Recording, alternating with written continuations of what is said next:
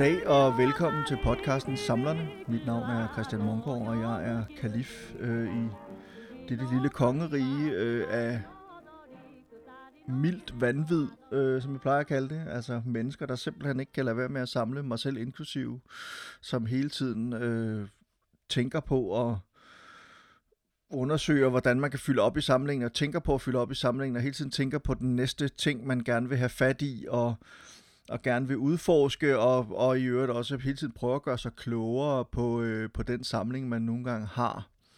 Og, øh, og derfor er jeg også ret spændt på at snakke med dagens gæst, som måske i, i den her sammenhæng er lidt usædvanlig. Øh, det vil vi jo finde ud af lige om lidt, men i hvert fald så vil jeg gerne byde velkommen til dig, Rasmus Rosengård. Velkommen. Tusind tak skal du have, Christian, og tak fordi, at, øh, at jeg må være med.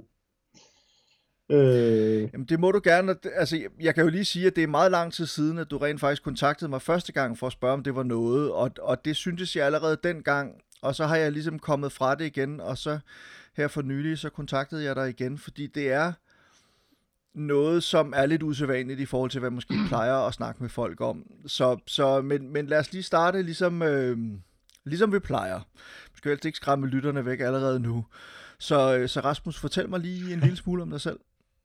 Ja, som sagt, jeg hedder Rasmus. Øh, jeg bor i øh, København på, på Vesterbro i en, øh, en, en lejlighed, der er for lille til samleri, vil jeg sige. Jeg bor der endda sammen med min, min kæreste og mine to relativt store børn. Og, øh, og ja, så øh, øh, samler, men, men, men på en lidt anden måde måske end, end, end så mange andre. I hvert fald end så mange andre af dem, der har været med i, i podcastet her, fordi jeg er jo selv øh, ivrig lytter af det her øh, øh, rigtig gode podcast. Tak for et godt podcast. Jamen tak for de, øh, for de pæne ord, Rasmus, og det er, det er en fornøjelse at have dig med. Øh, nu synes jeg, vi skal starte lidt i den traditionelle emne. Emne, han har sagt, i den traditionelle ende. Så kan du ikke prøve at fortælle mig lidt om, hvad du samler på?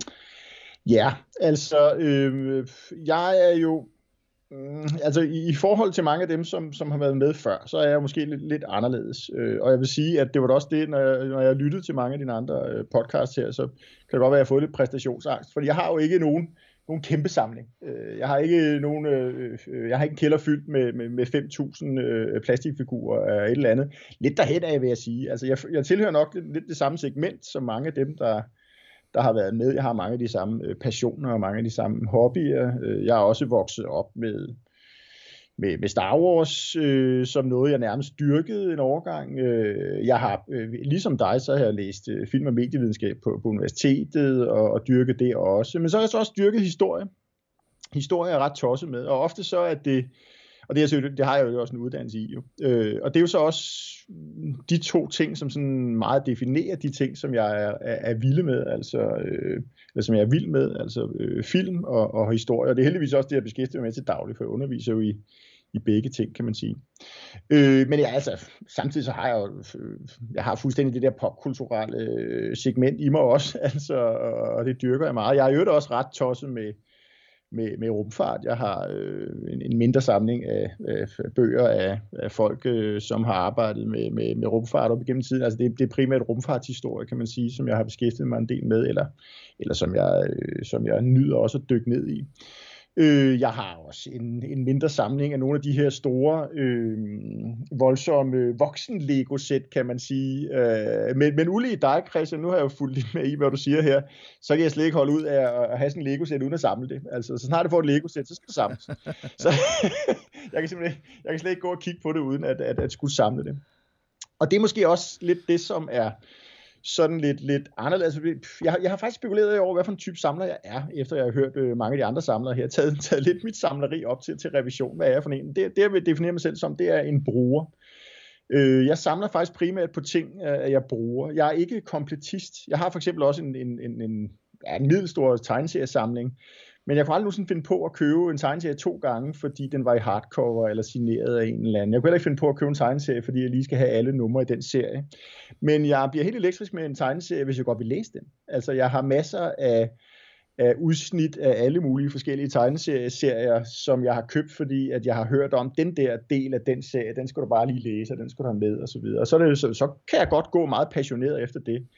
Jeg kunne ikke... Øh, jeg kunne ikke tåle at læse en tegneserie på nettet, vil jeg sige. Altså, jeg skal, jeg skal have dem i hånden og læse dem som en rigtig tegneserie. Og så, så jagter jeg dem.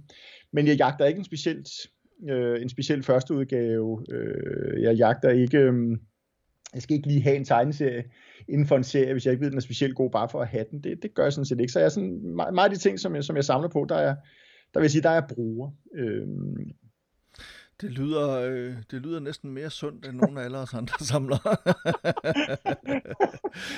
og... Så øh, det kan være, det i virkeligheden er, det, er det, det, det er en god balance.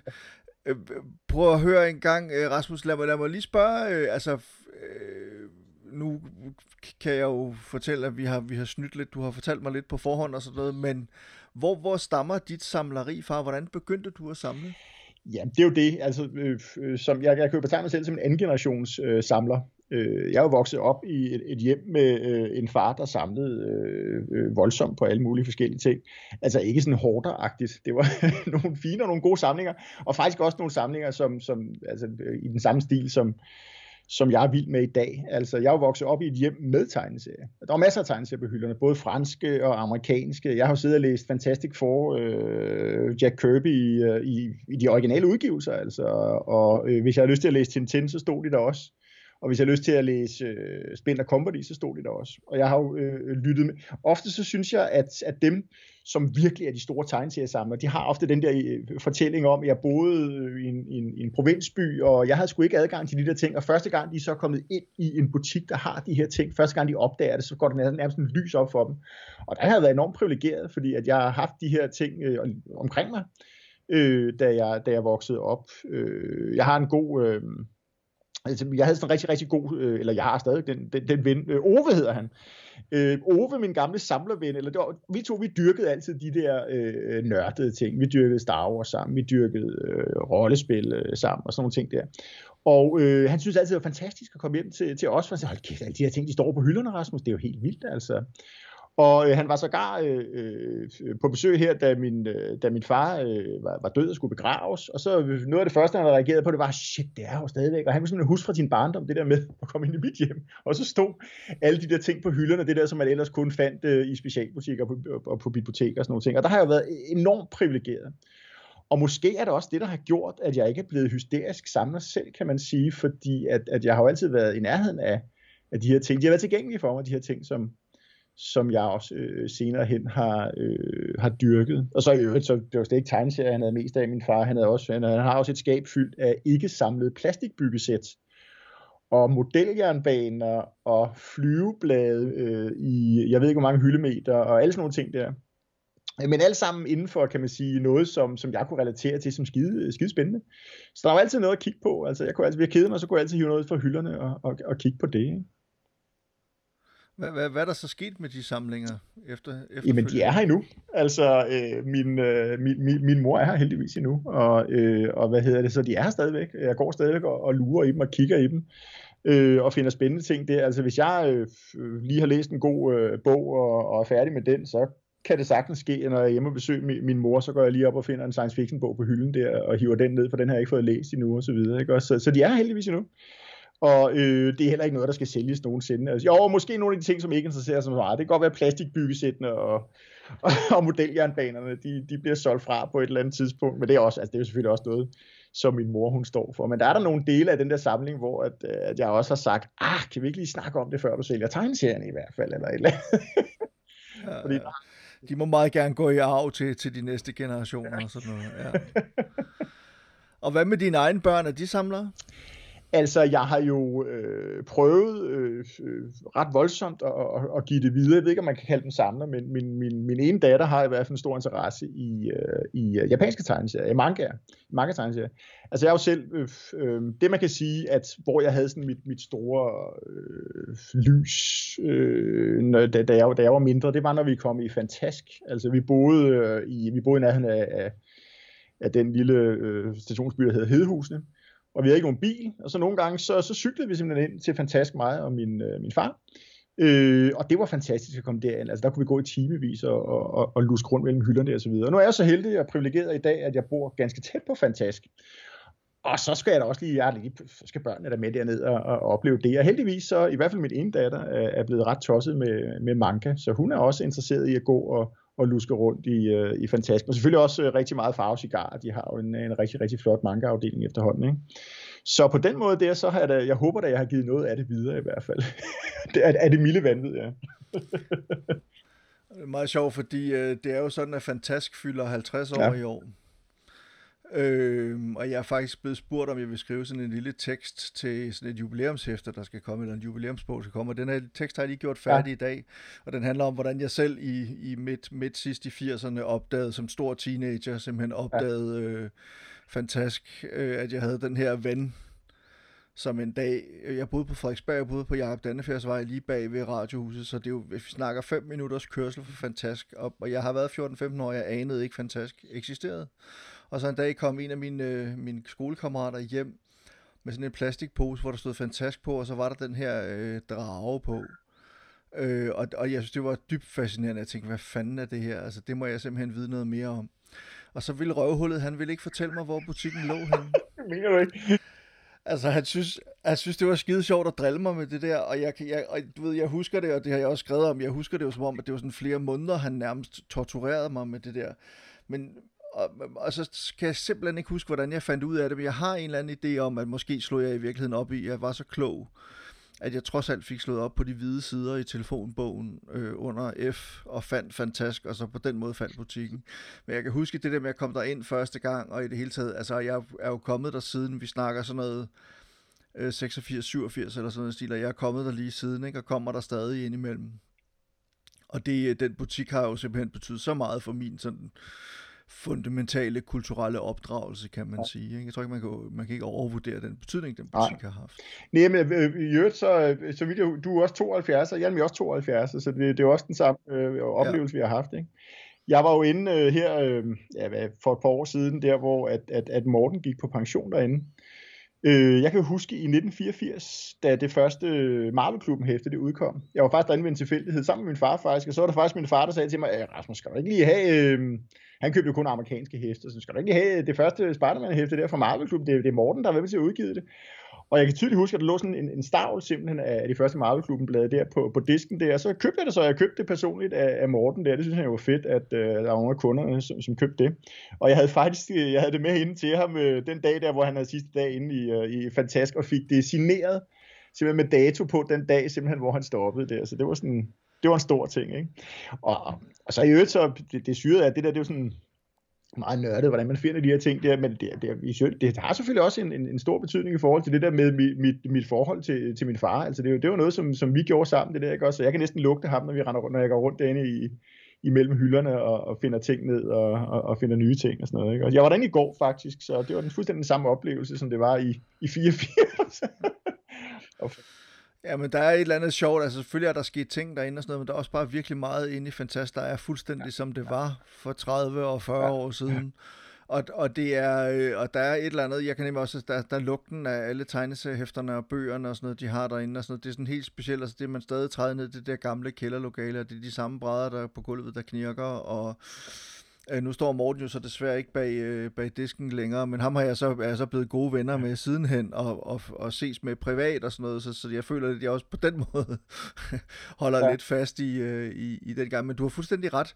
Der er sådan et eller andet med det der med de steder, som man første gang oplevede, dengang man virkelig var i sådan en påvirkelig øh, øh, følsom alder der, at dem kan man bare huske, og man kan blive sådan transporteret tilbage, når man hører et stykke musik, eller ser en film, eller, eller kommer et sted hen, lugter en bestemt lugt, eller et eller andet, så er man sådan, swish, så er man tilbage. Jeg har også haft mine egne børn med derinde, de, ikke fordi de, og min søn er, er, er tegneserieinteresseret, meget manga, lidt øh, ligesom du taler om med din datter der, men, men ellers har det sgu været svært at give, det er også nogle af de ting, jeg tænker nogle gange med samlinger der. Hvad fanden skal der ske med den, når jeg ikke er her længere? Det er jo, det er jo supersamlernes helt store smertenspunkt, det er det der med, hvad fanden skal der ske med min samling? Jeg vil ønske, at jeg kunne vinde i Euro Jeg tror, man skal sige, uh, det er et generationens ja, problem. Men der er det jo netop, som jeg startede med flere andre om, altså, wow, jeg vil ønske, at jeg kunne vinde et Eurolotto og så bygge mit eget ja. museum, du ved, og så sådan en eller anden servitut eller klausul om, at det må aldrig nogensinde lukkes, det der museum. jo, det er rigtigt nok, altså, øh, øh, jo, du, nu har du også, øh, øh, kan jeg forstå, øh, mange, mange, mange, mange hylder i en helt anden skala øh, end mig, ikke også, og øh, man kan jo, man kan jo rent faktisk have en, en, en følelse for hvert enkelt af de der små ting, som er øh, på de der hylder der, ikke også, så det, det, det, skal, det er sgu svært Ja, man skal give det fra sig, dag, Christian. ja, det, det skal vi, og det skal, og det skal vi heller ikke snakke mere om nu, fordi så bliver det meget deprimerende, ja, det her. I stedet for, så synes jeg, at vi skal, jeg tror, vi skal prøve at dreje fokus lidt, fordi nu skal vi jo snakke om det, som egentlig er grunden til, at vi snakker sammen i dag. Altså, som jo er noget af det, som jeg har indtryk af, at du om ikke samler af flest af, men samler måske mest intenst på, på en eller anden måde. I hvert fald i måden, du dykker ned i det på. Prøv lige at fortælle, hvad det er, fordi det er jo noget helt, altså, hvad var det, øh, øh, hvad var det, man sagde i gamle dage? Now for something completely different. ja. Øhm, det, som jeg jo i sin tid skrev til dig om, og det, som, som det egentlig handler om i øjeblikket, det er øhm, historiske øh, giletteskraber, altså øh, barberskraber.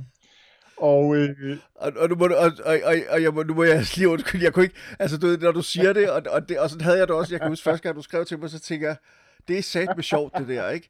Altså, ikke sjovt i, i forstanden latterligt, men sjovt som, det der, det er spøjs, det er interessant, det er skævt. Jeg vil sige, øh, det, det, er, øh, det er latterligt. Ja. Øh, men, men på mange, ligesom at mange andre øh, samler ting, så, øh, så, så smitter det helt vildt Øh, og specielt, jeg tror specielt fordi, at, at der er den der med i det, at det ikke kun øh, at have sådan en, en metalting stående på sin hylde. Øh, jeg samler på det, fordi jeg rent faktisk bruger det. Altså, jeg, jeg bruger rent faktisk de her, de her skraber her. Og øh, på min arbejdsplads, der er jo faktisk en lille gruppe, som, som er begyndt at indkøbe de her ting her.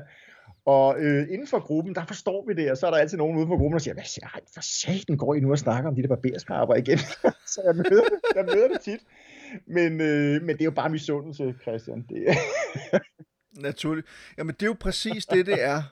Og det er jo i virkeligheden også det, og, og det, kan vi, altså, det kan vi udbrede fra, fra jeres lille Gillette-klub, mm-hmm. og ud til alle, der samler, at, at folk, der, der, der, der kalder en åndssvag, eller ser skævt til en, fordi man samler på et eller andet bestemt, det er jo i virkeligheden en af to ting. Enten er det, fordi de er dybt misundelige, eller også er det bare, fordi de ikke fatter en skid af, hvad der er der Ofte begge ting, kan man sige. Ikke? Men, men du er lige nødt til at fortælle mig, hvordan man bliver interesseret i historiske Gillette-skraber, fordi det er jo ikke bare historisk barbergrej. Det er jo, det er jo barbergrej for ja, Gillette. Det er det.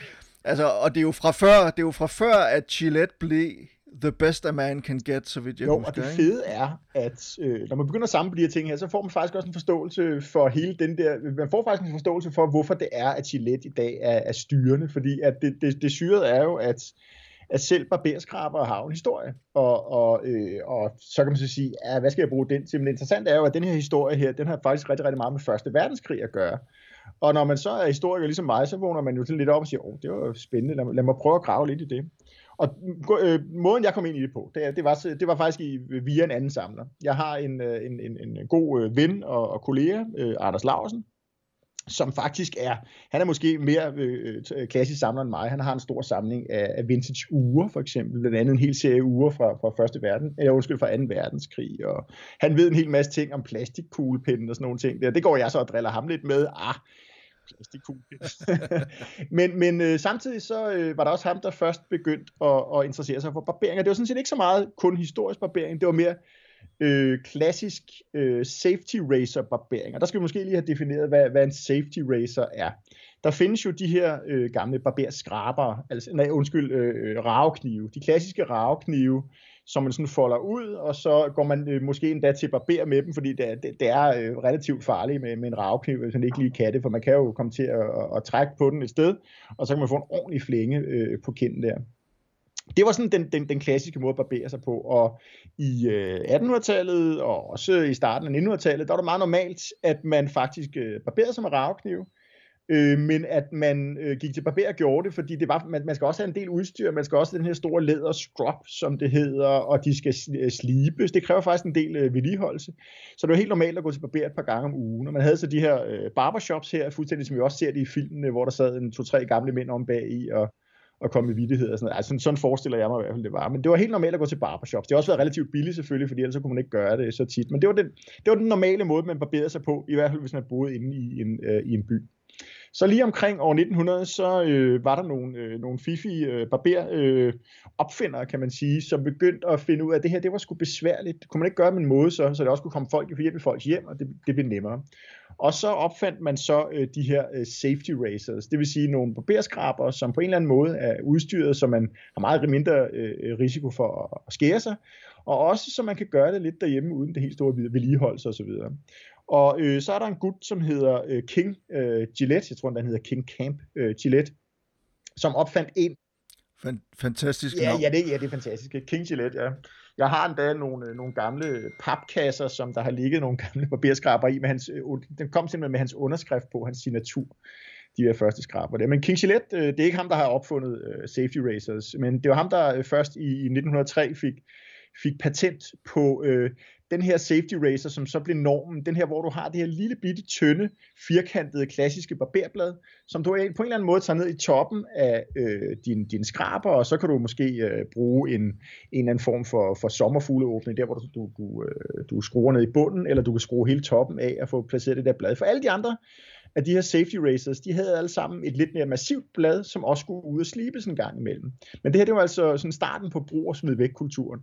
Og der er nogle helt fantastiske reklamer fra det der tidspunkt, der, hvor de siger, det er helt fantastisk, du bruger barberbladet et par gange, og så smider du det bare ud i skraldespanden. og det er jo lidt, det er lidt en anden øh, ting, man reklamerer med i dag. Ikke? Men det der med, at man pludselig ikke skulle forholde sig til at slibe sit barberblad, og det var en relativt nem øh, skrab at bruge, og barberbladene er, var hamrende billige, det gjorde så, at, at det slog igennem den her øh, ting her. Og det er, så, det er så det, der er den klassiske barberblads, øh, eller barberskraber, den her øh, double-edge skraber, som den også hedder, fordi man kan jo øh, bruge begge sider af barberbladet her. Og det er jo så også alle de skraber, som I alle sammen er vokset op med, at vores fædre havde i, øh, i, i, i skabet ude på, på badeværelset. Fordi den der med, at man øh, har de her cartridge racers, som man bruger i dag, det er faktisk noget relativt nyt. Det var først i 70'erne, at, at Gillette igen øh, begyndte at indføre det. Øh, og, øh, og faktisk vil jeg våge at påstå, perverteret hele deres egen øh, business. Altså de gjorde det selvfølgelig fordi, at hvis du går ned i dag og skal købe øh, nogle af de her cartridges til en, en moderne øh, Gillette-skraber, så koster det det hvide øjne. Det koster jo typ, øh, det koster, det koster to, over 200 kroner for at købe en 4-5 af de der blade der. Og de klassiske barberblade, øh, de øh, koster i dag øh, 50 øre, 1 krone eller et eller andet. Og så kan du putte min barberskraber, jeg har nogle barberskraber, der er over 100 år gamle, og den kan du stadig bruge. Og det er der selvfølgelig, for, for, for nogle businessfolk er der selvfølgelig ikke så meget penge i det. Så, så derfor så opfinder man så cartridge-skraberen. Det er selvfølgelig min udlægning af det. Jeg vil våge at påstå, at det Gillette, som man bruger i dag, er faktisk nogle dårligere instrumenter end dem, som jeg render rundt og bruger, de her klassiske barberskraber. Altså, de, de praler jo ellers så meget i deres reklamer med, at man bliver barberet ikke bare en eller to, oh, men hele yes. tre gange på én Oh yes, gang. og der, ja, der er jo altid fire-fem blade i dem efterhånden. Der, ikke også? Det, der er interessant ved det, det er, at du får jo ikke sæbe ind imellem hver de der blade, der rammer huden der. Ikke også? Så øh, også øh, barber øh, aficionados vil jo øh, må påstå, at så får du faktisk tør ud af det lige meget, hvor mange blade du, du putter med, og så begynder de at putte balsam strips i og ting og sager. Men ved du, hvis du barberer dig rigtigt med sådan en rigtig barberskraber der, en, en dobbelt skraber, øh, det er det bedste, så, øh, så giver du den lige to, to, så barberer du to omgange med en ordentlig barberkost der og sæber ansigtet ordentligt ind, så får du en fantastisk barbering ud af det. Det tager faktisk heller ikke særlig lang tid. Men det er selvfølgelig, fordi man sparer tid på det i dag, og så er det selvfølgelig, fordi Gillette, de har fået folk til at købe det, så tjener de en masse penge på. Men, øh, nej, ja, undskyld, nu kommer jeg ud af, af en tangent. Men det er helt fint. Her, øh, Anders, en god ven Anders Larsen, han, øh, han begyndte så at fortælle mig omkring det her barbering, og det var som sagt ikke kun det der med, at der findes de her gamle historiske skraber. Det han fortalte mig om, det var det der med, at det, der er en meget federe måde at barbere sig på. Og jeg må indrømme, jeg har altid følt mig som en stor idiot, når jeg har stået nede i supermarkedet og købt de der mega dyre cartridge skraberhoveder der med 3, 4, 5 blade i. Jeg har, jeg har på en eller anden måde altid været irriteret over det. Og jeg har altid syntes, at barbering var noget af det kedeligste i verden. Og så pludselig så fortalte han mig om en verden, hvor barbering var sjovt og spændende og interessant og så videre, og, og sanseligt. Fordi det handler også om øh, alle mulige forskellige barbersæber, og det handler om barbersprit, og det handler om forskellige barberkoste, lavet af kunsthår eller gravlingehår. Jeg har kunnet nogle af de bedste barberkoste i verden, de er lavet af gravlingehår der er sådan lidt dyre beskyttelsesproblemer i det, men, øh, men det er det rent faktisk. Du kan også få med hestehår ting. Altså, der er en hel masse ting, hvor man pludselig kunne begynde at, at, at nørde det, og jeg vil våge påstå, at jeg har aldrig nogensinde haft så, så gode barberinger, som jeg er begyndt at bruge alle de her ting her. Altså, så skal man selvfølgelig også, der er der også noget, der hedder en alunblok, som man også smører ansigtet med. Der går sådan en hel masse i det. Og det fede er, at det er sådan en, en hobby, hvor at man både har den der sanselighed med, øh, man kan sige, vi, vi plejer at sige, øh, det, det, den feminine side, det er det med, at vi sidder og dufter til barbersæbe, så har man fået en ny barbersæbe og dufter til barbersprit, og så kommer vores kolleger forbi og siger, hvad, hvad går der af? Nå, vi sidder lige og dufter til parfume. og, så, og så samtidig, så er der også det der værktøj i det, det der meget maskuline værktøj, det der med, at man har nogle, nogle fantastiske præcisionsinstrumenter, som man bruger, og som virkelig er lækre bare her i hånden. Nogle gange, så kan jeg sidde, hvis jeg skal koncentrere mig, så kan jeg sidde med nogle af mine rigtig, rigtig gode barberskraber, og bare sådan sidde og, og bruge den som sådan en, øh, du ved, sådan en, øh, en fidget spinner ball, øh, som er, for det er enormt lækkert materiale at sidde med, øh, med den her. Nu kan jeg øh, desværre, jeg kunne vise den til dig her til, til kameraet, men desværre ikke vise den til ja. publikum, men, men I kan jo gå ud og søge på nogle af dem. De findes faktisk stadigvæk, og de, de laves også i ny, ja. de her double S uh, safety racer. Vi kan prøve at se, om vi kan finde nogle links, uh, vi kan lægge ud i show notes også, ja. uh, så folk kan klikke på dem og, og komme videre ja. til det. Jeg skal så lige sige, at jeg sidder jo her som en mand, der ikke har barberet sig i 30 år cirka øh, fordi jeg har et meget stort fuldskæg, og, og bare sørge for at trimme det en gang imellem, når det er allermest nødvendigt øh, og, og, og vildert så lyder det, jeg får helt lyst til at barbere mig. Det er sgu ikke så godt. Øh, det, jeg, jeg ender med, at folk ikke kan kende mig. Mine børn det kan ikke kan du faktisk godt, Christian, fordi at øh, jeg har også jeg har også barberkammerater, som har skæg. Altså, øh, og du kan jo sagtens bruge de her klassiske safety races til at barbere kanterne med. Og så samtidig, så ved jeg, nu, nu hørte jeg din, din podcast her fra den anden dag, hvor at du snakkede om, at du samlede på blade og, og tegneserier fra, fra film, ikke? Øh, øh, I film er det jo en, en, en maskulinitetsmarkør, det der med at barbere sig. Så der er ufattelig mange øh, mænd i film, som barberer sig. Så der kan man også begynde at samle. Der kan man begynde at samle, hvad er det for en skraber, han bruger, hvad er det for en skraber, han bruger osv. Og det, øh, det er der faktisk et helt samlerfelt i. Øh, så, øh, så allerede der, så... Det, det der, det er tavligt, ja, Rasmus, fordi nu begynder jeg... Men de fylder ikke så meget. fordi jeg samler allerede på, jeg samler allerede på for meget i forvejen. Men ja, Undskyld mig lige et øjeblik, jeg skal lige ud på eBay en gang. øhm, prøv at høre en gang, nu, nu, øh, nu tillader jeg mig så lige at afbryde og så sige, øh, hvad var det lige med Første Verdenskrig? Ja. Fordi det lød jo ret spændende. Det var fordi, øh, da jeg så egentlig begyndte at få, få gang i det, der så købte jeg selvfølgelig sådan en, en, en tysk ny skraber, som er helt fantastisk. Det behøver jeg ikke fortælle om. Men øh, så begyndte jeg også at få lyst til, at jeg skal, skal have en skraber med lidt længere øh, skifte og, og forskellige ting og sager. Så gik jeg så til Anders igen og sagde, Anders, hvad for en skraber skal jeg have, hvis jeg skal have et lidt længere skifte på en, og hvad hvis jeg skal have en lidt, der er bredere sådan noget. Rasmus, du er historiker, du skal ud og kigge efter nogle historiske barberskraber, sagde han så. Og så begynder så at, at nævne nogle, og jeg fik også en, øh, jeg fik, jeg faktisk fik faktisk Gillettes øh, sidste serie produceret øh, Safety Racer. Øh, jeg fik en fra 1976. Øh, så den hedder Create Black Beauty, for det ikke skal være løgn. Der er et eller andet med de der navne til, øh, til de der øh, skraber. Det, det, det er meget fallisk faktisk. Der er også en, der hedder en Big Fellow, og det hedder den rent faktisk. Det er ret syret. men men øh, der, så fik jeg allerede en interesse for de der gamle øh, Gillette-skraber der. Jeg begyndte at købe mig et par stykker, og, og, og min ramme for, for min samling på det tidspunkt var, at øh, jeg skulle have dem i deres øh, klassiske øh, kasse. Jeg skulle have den rigtige kasse til dem. Og jeg skulle have øh, den, den originale skraber. Jeg skulle også gerne have, ofte så kommer de med sådan en lille boks, hvor der kan være barberblad i. Og lynhurtigt fandt jeg ud af, at vi bare ved at sidde og kigge på, øh, på mange af dem på, på eBay. Heldigvis så er der et stort udbud af den slags ting fordi de holder længe, og fordi det er folk, øh, noget, folk har brugt som forbrugsgenstande, og ulige tegneserier osv., så, videre, så er de ikke smidt dem ud. Altså, de har gemt dem. De har jo ligget bagerst i skabet der, og så har de givet dem videre til deres sønner og, og sådan nogle ting. Så de eksisterer rent faktisk stadigvæk. Og jeg fandt ud af, at øh, nu har du tit snakket om den store hvide val og så videre, og, og hurtigt fandt jeg ud af, at den store hvide val for mig, det var et øh, skrabersæt fra, fra Første Verdenskrig. Øh, et Gillette-skrabersæt øh, lavet til den øh, amerikanske her. Og så begyndte jeg jo at spise ører og sige, det der, det var sgu interessant. Jeg mig lige prøve at se, øh, hvad det er for noget. Og så viser det sig så, at under 1. verdenskrig, så producerede Gillette 3,5 million skrabersæt til den amerikanske her, øh, som blev udleveret til, til soldaterne. Og det gjorde de ikke i 2. verdenskrig. Og hvorfor gjorde de så ikke det? Det er fordi, at øh, i Første Verdenskrig, øh, når man lå der i skyttegravene der, der var man jo stor øh, risiko for at blive ramt af gasgranater simpelthen, eller er det bare lukkede gas ned. Gaskrig, det var en, en, øh, en udbredt del af, af Første Verdenskrig. Og øh, lynhurtigt fandt man ud af at bruge gasmasker. Øh, heldigvis så er dødstallene faktisk relativt små i forhold til, hvor mange der ellers døde i Første Verdenskrig, i forhold til, hvor mange der egentlig døde af, at blive ramt af gas, men det var fordi, man begyndte at bruge øh, gasmasker. Hvis man skal bruge gasmasker, så skal man ikke have noget skæg, så det vil sige, det blev faktisk øh, en del af reglementet, at man skulle øh, barbere sig. Øh, og amerikanerne, de var jo sådan lige øh, øh ressourcemæssigt var de stærkere. Altså deres, deres soldater fik mere i, i løn end de europæiske soldater, og, og de var, de var mere ressourcestærke på mange forskellige områder. Så øh, mens de europæiske soldater bare fik besked på, at I skal skulle barbere jer, så udleverede man simpelthen små barbersæt øh, til de amerikanske soldater. Så man lavede en, en deal med, med Gillette om at producere 3,5 millioner af de her barbersæt. Og øh, barberhistorikere som mig selv jo, øh, har jo den teori, det, den, den er umulig at bevise men at det er der, at skiftet sker faktisk fra raveknivene til, øh, til de her safety racers. Fordi der var simpelthen en hel generation af toneangivende amerikanske mænd, som kom hjem med de her skraber i taskerne, og havde lært at bruge dem, og havde fundet ud af, at øh, hvis du brugte en ravekniv, så stod du og rystede, fordi du havde granatschok eller et eller andet. Ikke? Øh, og dem her kunne du faktisk godt barbere dig med under de vildeste øh, omstændigheder. Selv under et slag kunne du måske sidde og, og barbere dig under en hestevogn eller et eller andet. Ikke? Bare lige en enkelt ting i forhold til, jeg kom bare til at tænke på noget helt andet, men altså netop her hele coronatiden, altså en af de ting, som jeg jo har fundet meget vanskeligt, det er jo det der med at bære mundbind, som ja. når man har så stort et skæg, som jeg har, med mindre man får sådan et, et kæmpe mundbind, der indkapsler hele skægget, så øh, de der, især, øh, jeg har fundet sådan nogle stofmundbind, som er ret gode, og som fungerer også med stort skæg, men øh, de der papir øh, mundbind, eller de der øh, øh smid væk øh, engangsmundbind, man får, de glider op i øjnene, når man har stor skæg, ja. hvilket er pisse ubehageligt.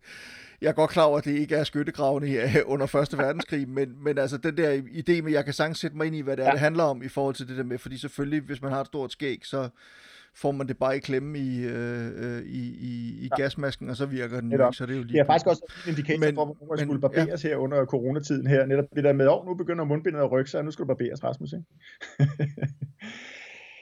ja, nej. Præcis. Øh, men, men øh, ja, undskyld, du, du siger noget, Christian? Nej, men det, det var bare, øh, øh, du nåede så frem til, altså, at, at, at øh, du mener simpelthen, eller der er visse, hvad var det du kaldte barberhistorikere, inklusive dig selv, der så mener, at, at skiftet ligesom skete her, fordi lige pludselig så var der en hel generation, 3,5 millioner, ej det var der jo så ikke, fordi det var ikke dem alle sammen, der kom hjem, men i hvert fald mange 100.000 amerikanske soldater kom hjem og havde så lært at bruge ja. de her øh, øh, øh, raveknive, eller ikke raveknive, men, men barber. Skraber, ja. Skraber, som, som var noget lidt andet end, end, end det, man var ja, vant til. Ja. Og øh, jeg tænkte, øh, sådan set, det skal jeg have. Altså, det der, det, hvis der er noget, jeg skal have, så er det det. Og så begyndte jeg så at spekulere, hvad, hvad, hvad er det så, du egentlig skal have? Jeg fandt ud af, at øh, de blev, der blev lavet en hel masse sæt, som lignede dem, som blev solgt i butikkerne. Jeg skulle selvfølgelig have det rigtige sæt, dem der var blevet udleveret øh, gratis til, til tropperne, og jeg skulle have et komplet sæt af det. Og sådan et sæt, det indeholder så en, øh, det, der hedder en old type, øh, med skraber, giletteskraber, de blev også lavet før krigen, øh, blev, blev brugt på andre mål, øh, muligheder, men nu røg de så i det her sæt her. Øh, og øh, det skulle også indbefatte en, den her bladboks, den her bladebox, hvor at man kan have barberbladet i. Øh, så skulle det indbefatte et lille spejl, som ligger oppe i låget af den her kasse. Det er sådan, den, det er sådan en meget lækker lille bakelitkasse, øh, og, øh, og som, som så er, hvor der er læret uden omkring, sådan noget fuldstændig kaki-stof. Det hedder også et kaki-sæt, rent faktisk. Det her er det rigtige første verdenskrigsæt. Øh, og op i låget, så låget er simpelthen et, et, et falsk låg, for man kan hive låget ud, og så er der et lille spejl, som faktisk bare er poleret metal. Og i den ene ende af det her spejl, der er der så en lille øh, øh, lærreds øsken, som du kan hænge den op øh, på, øh, på øh, hvad hedder det, væggene af din skyttegrav simpelthen. Og til det, så er der også to tegnestifter, som simpelthen er med i sættet, Øh, så du simpelthen kan sætte øh, spejl op, og så kan du stå og, og, og barbere dig ned i din skyttegrav, mens at, at tyskerne bomber dig. Ikke? Og jeg tænkte, det der, det skal jeg have. Jeg skal have et komplet sæt, og alt andet gider jeg ikke have. Og så begynder, begynder jeg så at kigge. Og så fandt jeg også ud af, efterhånden, så tænkte jeg, ah, jeg øh, altså amerikanerne kom jo relativt sent med i, øh, i Første Verdenskrig. Det var først midt i, i 1917, at de besluttede sig for det, og så skulle de til at øh, få, få trænet alle soldaterne og så videre. Så det var faktisk først i, i, øh, i midten af, ej, i ej, et godt stykke ind i 1918, at de begynder at gøre en, en, en, en forskel. Det var så også derfor, at de rent faktisk fik knækket øh, nakken på, på, på tyskerne på det tidspunkt der. Men øh, og så, så jeg vidste også, at mange af de her sæt var blevet udleveret til tropper, som rent faktisk kun var kommet til træningslejrene over i sydstaterne eller et eller andet. Så de har aldrig nogensinde været i krig, så jeg skal fandme også have, jeg skal have et sæt, som har været i skyttegravene. Og hvordan finder man så ud af det? Øh, heldigvis så har Gillette har været fantastiske til at, øh, til at nummerere deres sæt. Øh, man kan gå hjælpe dem også på de gamle Gillette barberblade finde nummereret på barberblade, så du kan simpelthen finde ud af, hvornår det er lavet. Der findes tabeller, hvor du så kan finde ud af, hvornår tingene er lavet. Jeg fandt ud af, at hvis jeg skulle have et sæt, som havde haft størst øh, chance for at være i skyttegravene, så skulle det have et meget, meget lavt J-nummer. Det vil sige et, et sæt, der hedder nummer J et eller andet. Og øh, hvis øh, at der er blevet lavet 3,5 millioner af dem her, så øh, skal jeg i hvert fald have nogen, der, der ligger under... Jeg vil have, jeg vil have ret lavt, kan man sige. Ikke også? Og så fandt jeg så en dag på eBay, så fandt jeg en, hvad, hvad nummer den har. Den har J øh, 2164. Og så vidste jeg jo godt, ah, denne her, den, den er i hvert fald blevet udleveret af nogle af de første tropper, som har fået udleveret de her øh, skraber her, så der er en stor øh, sandsynlighed for, at den har været i krig. Og ved en tilfældighed, det var slet ikke det, jeg ledte efter, ved en tilfældighed, så havde sælgeren øh, vedlagt sin lille seddel med et navn på, på den soldat, som havde haft den her skraber her. Og øh, hans øh, ganske få militæroplysninger omkring hans kompani og så videre, og hvor han havde boet henne i, i Ohio.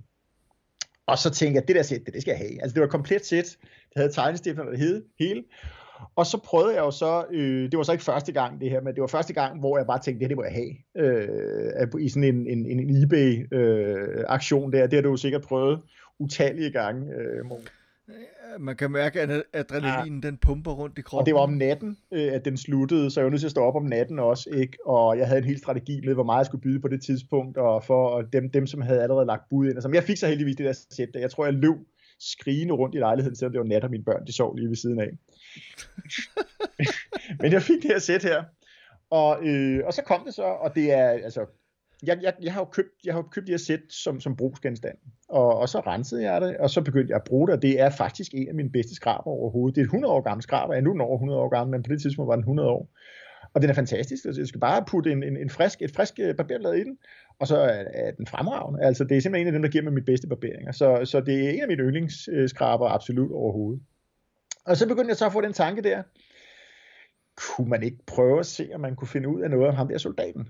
Altså, øh, og, og, øh, og der er jo, i historie, der er der sådan to, eller når man, når man sådan sætter sig ned og forsker i historie, så er der sådan to øh, primære måder at gøre det på. Enten så kan man sige, at jeg laver en historisk undersøgelse af et eller andet, jeg finder interessant. Man kan sige, øh, hvad, hvad for nogle øh, uniformer øh, gik nazisterne i under 2. verdenskrig, eller øh, hvorfor opførte gladiatorerne sig sådan her i Romeriet og sådan nogle ting der. Eller også så kan man lave en af de der grav, hvor der er undersøgelser. Altså man kan gå ud i sin have, så man graver ned, og så kan man se, hvad man finder, og så kan man begynde at finde et stykke, et stykke historie omkring øh, der, hvor man er henne. Ikke? Også, og det er jo så også det, øh, slægtsforskning er jo også en slags grav, hvor der er undersøgelse. Altså man, man, man arbejder ud fra sig selv, og så ser man bare, hvad man finder, finder ud af. Og det var så det, jeg gjorde her. Og jeg gjorde det også bare sådan lidt af, for sjov, at øh, jeg tænkte, okay, hvor meget kan jeg egentlig finde ud af? Altså det er et stykke amerikansk historie, kan jeg overhovedet komme ned i arkiverne derovre, og hvad, hvad kan jeg egentlig finde ud af? Og så begyndte jeg så at, at undersøge det. Og imens jeg gjorde det, så... Øhm, Ja, der findes jo, der findes jo øh, også steder på nettet for øh, barbertosser. Og øh, der er et øh, herligt amerikansk sted, der hedder The Shave Den, hvor der, er, det er sådan, øh, der findes en hel flok af øh, sådan nogle rigtig good old boys fra den amerikanske midtvesten og sådan noget. Jeg vil sige, at det her det var så før Trump. Øh, men øh, jeg skrev så også under Trump og så videre øh, på de her ting her, øh, og der, der er helt sikkert, det er det der sikkert, og jeg har aldrig nogensinde diskuteret politik med dem, men det er enormt fantastisk at, at komme i dialog omkring øh, de her ting med dem, fordi de har jo alle sammen haft øh, oldeforældre og bedsteforældre, som er døde i Første verdenskrig og 2. verdenskrig og så videre, og mange af dem kommer så i, i kontakt med via det her, fordi det jeg valgte at gøre, det var, at jeg, jeg må skrive de her ting ned, hvis jeg overhovedet finder ud af noget, og så begyndte jeg at oprette sådan en serie af blogs inde på, øh, på The Shape Den, hvor jeg simpelthen dokumenterede, hvad jeg fandt ud af, og så prøvede at fortælle øh, den her barberskrabers historie, og i sidste ende blev det så øh, soldatens historie, ham der hedder øh, Robert Mercer. Og øh, det gik jeg så i gang med, og øh, så fik jeg med kontakt med mange af de her folk her, og diskuterede frem og tilbage, og det gjorde så, at jeg blev sparket videre i processen, fordi jeg sagde, åh, for satan, det var da spændende det her. Hvad finder du ud af i næste måned, øh, Mr. Rosengard og sådan nogle ting? Øh, og det var skide spændende at have den her proces der, hvor at, at, at, at jeg rent faktisk havde et, et ganske lille publikum, jeg tror, der har været 10-12 stykker, som sådan fulgte det fast, og så var der en hel masse, der også bare øh, lyttede med, kan man sige. Ikke også? Og så begyndte jeg at undersøge de der ting der. Øh, og, og, og det jeg fandt ud af var, øh, kan man næsten sige mindblowing. Det var helt ufatteligt, hvad jeg ikke fandt ud af. Og det endte faktisk med at blive, i sidste ende endte det med at blive en historie om det der med, den, den store historie, krigen her, ikke også? Altså, amerikanerne sendte, sendte to millioner tropper over Atlanten øh, på ganske kort tid, ikke? Og de fleste af deres historier er jo glemt, altså vi kender dem fra tabstatistikkerne og så videre, ikke også? Og det jeg faktisk efterhånden, og det er jeg faktisk også mest glad for i dag, det var, at, øh, at jeg rent faktisk har fundet en af dem. Altså, jeg kan fortælle hans, øh, jeg kan fortælle hans historie, og, og, og jeg kan fortælle, hvor han har været, jeg kan, fortælle, jeg kan også fortælle dig, hvad han lavede efter krigen, og jeg kan fortælle dig, øh, jeg kan fortælle dig, at han løg, øh, blandt andet, da han, da han meldte sig til, øh, til, til herren. Øh, han løg sig to år yngre, fordi han var 17, han var kun 17 år. Og man skulle være, jeg tror det var, øh, for at blive draftet på det tidspunkt, skulle man være, øh, det var, nej, det var bare 18. Men dem, der blev draftet, var 20 år, men for at melde sig, skulle man kunne være 18, ikke?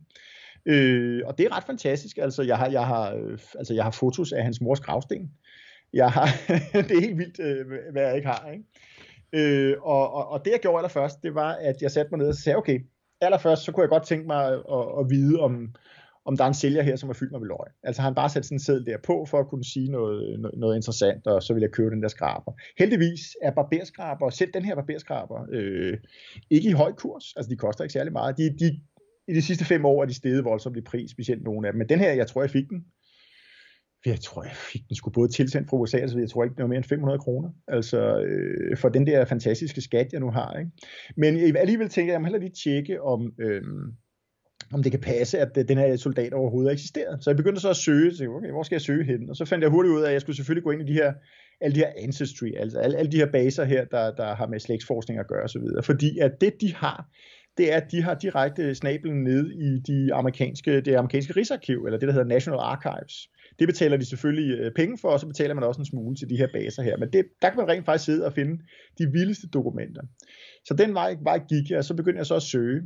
Men så finder man også nogle, så er der også nogle, øh, nogle øjenåbner hen ad vejen, eller nogle stops. Fordi allerførst, så, jeg, i starten så tænker jeg faktisk, det, det, det kan jeg ikke. Fordi det viser sig, at øh, alle amerikanske soldaterpapirer fra Første Verdenskrig og helt frem til, til 1961, eller det der hedder deres discharge papers, de befandt sig i St. Louis i øh, et arkiv. Jeg siger dig, det, øh, det første jeg tænkte på, da jeg så billeder fra det der arkiv, det var, det var den der scene fra slutningen af den første Indiana Jones film.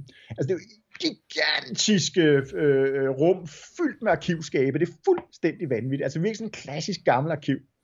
Og der befandt de sig så der i St. Louis, og i 1973 så brændte hele den bygning ned og alle de her papirer, de er væk. Så det vil altså sige, at det er også alle discharge papers fra, øh, fra, fra, fra 2. verdenskrig. Og jeg tænkte, ah oh, shit, hvad gør jeg så? Og så ledte jeg selvfølgelig videre, og så endte med, at jeg, jeg i, øh, i Ohio, øh, i Ohios arkiver i hvert fald, fandt et 23-binds værk, hvor det eneste, der står i det her 23-binds værk, det er samtlige øh, øh, soldater oplysninger. Bare sådan en lille, en lille notits øh, af folk fra Ohio, som har været med i Første Verdenskrig. Så får man allerede der får man en idé om, hvor mange mennesker det egentlig er.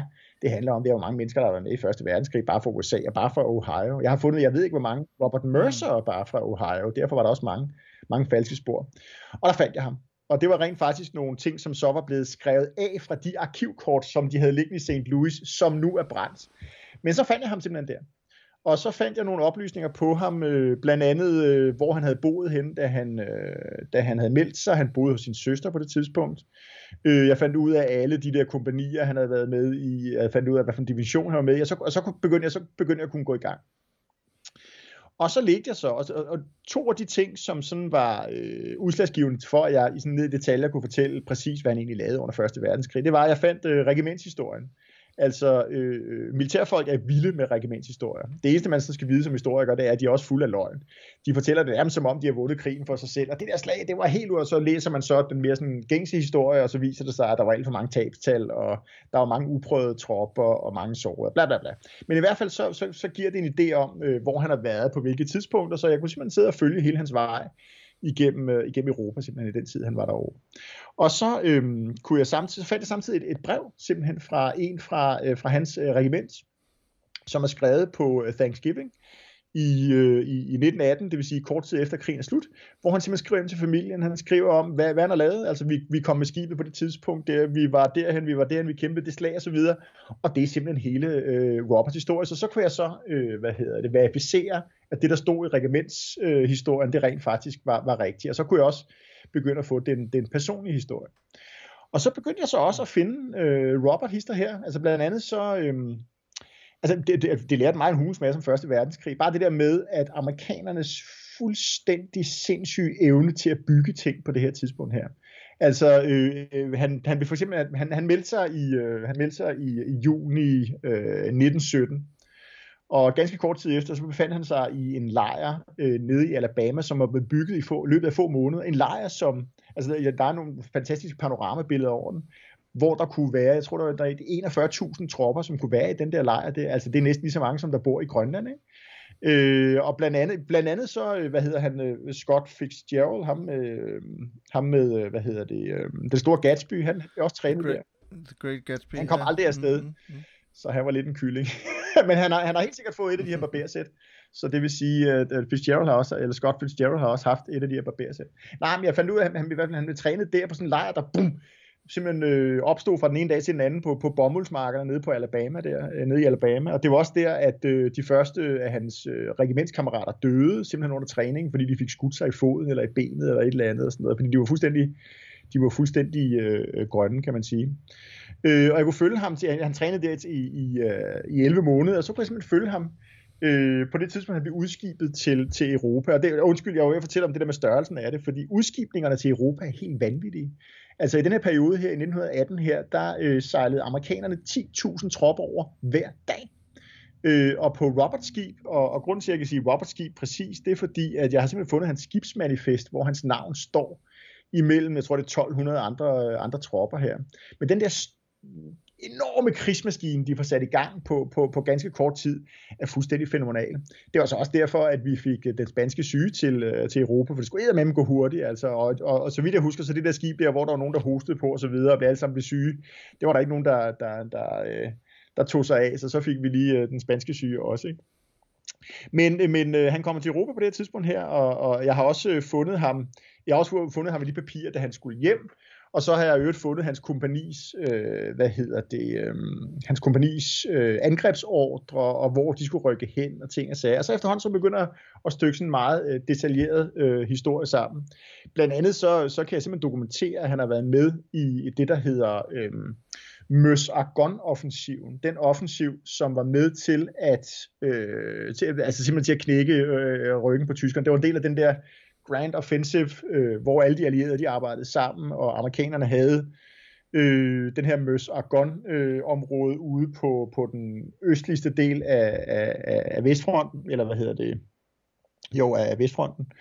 Øh, og jeg kan dokumentere simpelthen, at han i fem dage her har, har slæbt ammunition frem til kanonerne. Han var ammunition, han var ammunitionstropperne. Øh, og øh, under regnvejr, altså fuldstændig sådan næsten den der arketypiske første verdenskrigsscene. Det øsede ned, og øh, han, han har kørt med hestevogne med lastbiler i, i, hen over nogle veje. Jeg har billeder af de der veje. Det er sådan fuldstændig, totalt mudret. Og i den øh, situation, han har jo siddet og barberet sig, han har, i løbet af fem dage, så får man jo ikke han har siddet og barberet sig rundt omkring der, øh, mens det er foregået, med min barberskraber. øh, og så, øh, hvad der næste er endnu vildere, det er, at i, i mit barberskrabersæt her, øh, der er der blodstråber. Altså, der er øh, nogle, nogle dråber, eller nogle, nogle sådan splat på den der, som enten så er det rust, men der er også noget inde i sættet, eller også, jeg kan ikke rigtig få det til at være andet end blod. Jeg har snakket med nogle biologer om, vi skal lave en undersøgelse af, om det virkelig er blod, så må der, så må der være noget DNA på det og så videre. Og øh, jeg, jeg, min teori er, at han har fået det under den der Møs Argon offensiv, fordi der blev de jo hæftigt beskudt, altså både med, med artilleri, men også med, med med kampfly. Og en af dem, som fløj rundt og beskød Robert Mercer og hans kammerater, det var Hermann Göring. Så det er fordi øh, Hermann Göring, han var simpelthen øh, aktiv øh, pilot øh, i Møs Argon øh, offensiven der. Så det kan rent faktisk være, at de blodpletter på mit barbersæt, er forårsaget af Hermann Görings kugler mod en amerikansk soldat, men det er selvfølgelig, det kan godt være, at måske det er en lidt voldsom øh, konklusion, kan man sige. Men, men øh, jeg kan jo høre på din entusiasme og din fortælleglæde og sådan noget, at det er jo, altså, at, at det der med at grave så dybt ned i det på den måde, altså hvad, hvad er det? Det giver dig jo tydeligvis et eller andet, en glæde og, og, og, og sikkert også et adrenalinsus, hver gang man finder ud af noget nyt og opdager nogle ting, men, men altså har det noget at gøre med, at den her historiske genstand, som du nu bruger, at den pludselig bliver vagt til live på en helt anden måde? Øh, kan du prøve at fortælle lidt om, hvad det er, der, der rører sig? Ja, i høj grad. Altså, det er, det er det i høj grad. Jeg vil faktisk sige, altså, jeg har jo øh, beskæftiget mig øh, sådan stille og roligt med Første Verdenskrig før. Jeg har også øh, undervist i Første Verdenskrig mange gange. Men det er faktisk første gang, at jeg har fået en følelsesmæssig forståelse for den krig. Altså, jeg har da læst masser af tabstal, jeg har læst masser af skrækhistorier, jeg har læst masser af soldaterbreve, men en eller anden mærkelig grund ved at følge den her mand rundt i i Første Verdenskrig, og få en forståelse for ham, og i øvrigt også øh, begynde at finde ud af, hvad skete der egentlig også med ham efter krigen og så videre. Det har givet mig en helt anden øh, følelsesmæssig øh, forståelse for, øh, for den krig der, og det, det kan godt være, at det lyder sådan lidt, øh, lidt, lidt substory-agtigt, men det, det har det i høj grad. Og, og jeg tænker faktisk over det hver eneste gang, jeg står og barberer mig med den, så jeg står, ikke fordi, altså, ikke fordi, at øh, jeg har ikke noget bånd til den her mand her, men på en eller anden måde, så, så har jeg sådan en, en, den her gut her forstår jeg, og jeg har sådan en eller anden meget, meget stor øh, tilfredshed ved, at jeg rent faktisk har fået gravet ham op øh, af, af, af arkiverne, øh, og jo rent faktisk har fået præsenteret ham fra folk øh, i dag, som er i familie med ham, fordi det har jeg jo rent faktisk også gjort. Øh, så, øh, så ja, det har, det har givet mig et følelsesmæssigt bånd til den tid, men det har også givet mig sådan en mystisk, øh, jeg er faktisk ret ret glad og tilfreds for, at jeg har gravet den her ene mand blandt to millioner soldater frem, så hans historie faktisk øh, bliver husket. Altså det der med at blive husket er jo ofte folks store frustration, øh, specielt øh, tæt på, når man skal til at have fra og så videre. Det ved jeg øh, fra, fra erfaring også. Det bliver jeg husket, og hvad bliver jeg husket for og så videre, ikke også? Robert Mercer, han bliver husket.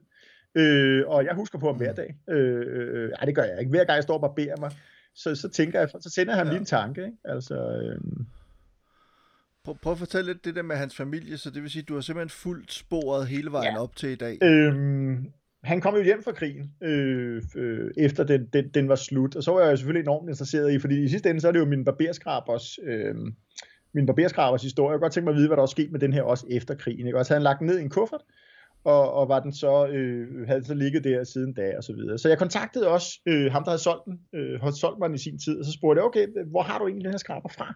Det kunne jeg faktisk godt tænke mig at vide, øh, fordi på et eller andet tidspunkt, så er man kommet fra familien så over til, til ham. Og han fortalte mig så, at den var på, blevet solgt øh, ved en offentlig aktion en gang for lang tid siden i Pennsylvania, sammen med en hel masse andre effekter fra den her mand. Og så tænkte jeg, okay, det vil sige, øh, det kunne jeg sgu godt tænke mig at, at, at få fat i. Og så begyndte jeg så at kigge på hans historie, og så fandt jeg så ud af, at amerikanerne er fantastiske til at lægge deres folketællinger ud. De har de her censuses en gang øh, hver tiende år, altså de har en 1910, 1920 osv. Og øh, der kunne jeg simpelthen sidde og se, hvor har manden boet hen alle de her tidspunkter, og hvordan er hans familie vokset. Jeg kunne blandt andet, øh, jeg kunne jeg har faktisk fundet en, en, en historie, hvor det, det virker som om, at en af hans koner faktisk har begået selvmord. Øhm, fordi øh, det viser sig, at Robert Mercer, han har været, han har, han har været lidt af en, en womanizer.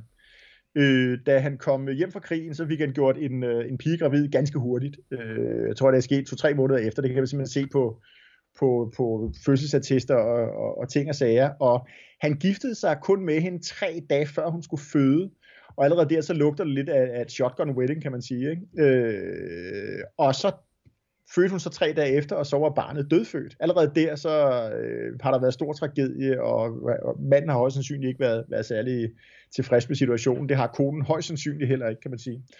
Øh, og øh, den her kone her får han så øh, i alt øh, to overlevende børn med. Der er en mystisk søn, som jeg øh, stadigvæk venter, som jeg rent, rent faktisk går og venter. Der er, nogle, der er nogle arkiver, som bliver frigivet næste år. Jeg skal prøve at finde hans mystiske søn. Familien kender der, der skulle være en Alan Mercer, som også er født sammen, nogenlunde samtidig med, med det her dødfødte barn. Jeg ved ikke, om de er tvillinger, eller om det er en, han har adopteret, eller en nevø, eller et eller andet. Men ham er jeg stadig på, på jagt efter. Men han får i hvert fald to børn, som jeg kan dokumentere, han har fået. Og det er i øvrigt et af de her børn her, som har fået familie og som, øh, hvor, hvor, hvor jeg så rent senere hen rent faktisk har fundet den der familie der. Nej, men, men øh, så går der et par år, og de får de der børn der, og så bliver de skilt i løbet af, jeg tror det er 27 eller et eller andet, så bor hun et andet sted og har fundet sig en anden mand, og er tydeligvis glad. Og Robert Mercer har også fundet sig en anden kone. Og hende så også sammen med i en, en 6-7 år igen. Og jeg kan jo se, jeg kan jo se det på 10, hver gang der er gået 10 år, jeg kommer op til den næste, øh, hvad hedder det, census, så kan jeg se, hvor bor han hen nu, hvem er han nu sammen med, hvad for nogle børn har han. Og så der i, hvornår er det det, jeg tror det er i 1930, så øh, bor den her kone, som han har haft sidste gang, jeg har haft, øh, jeg har spurgt ham, hun bor alene, og hun bor så sammen med den der mystiske Alan Mercer søn, som jeg ikke ved, hvem er. Øh, og så står der, hun er, hun er enke. Og så tænker jeg, enke? Er han død manden? Det var da forfærdeligt. Men så kan jeg kraftigt se i, øh, i de her censuses, at han bor 600 meter derfra sammen med en anden kvinde.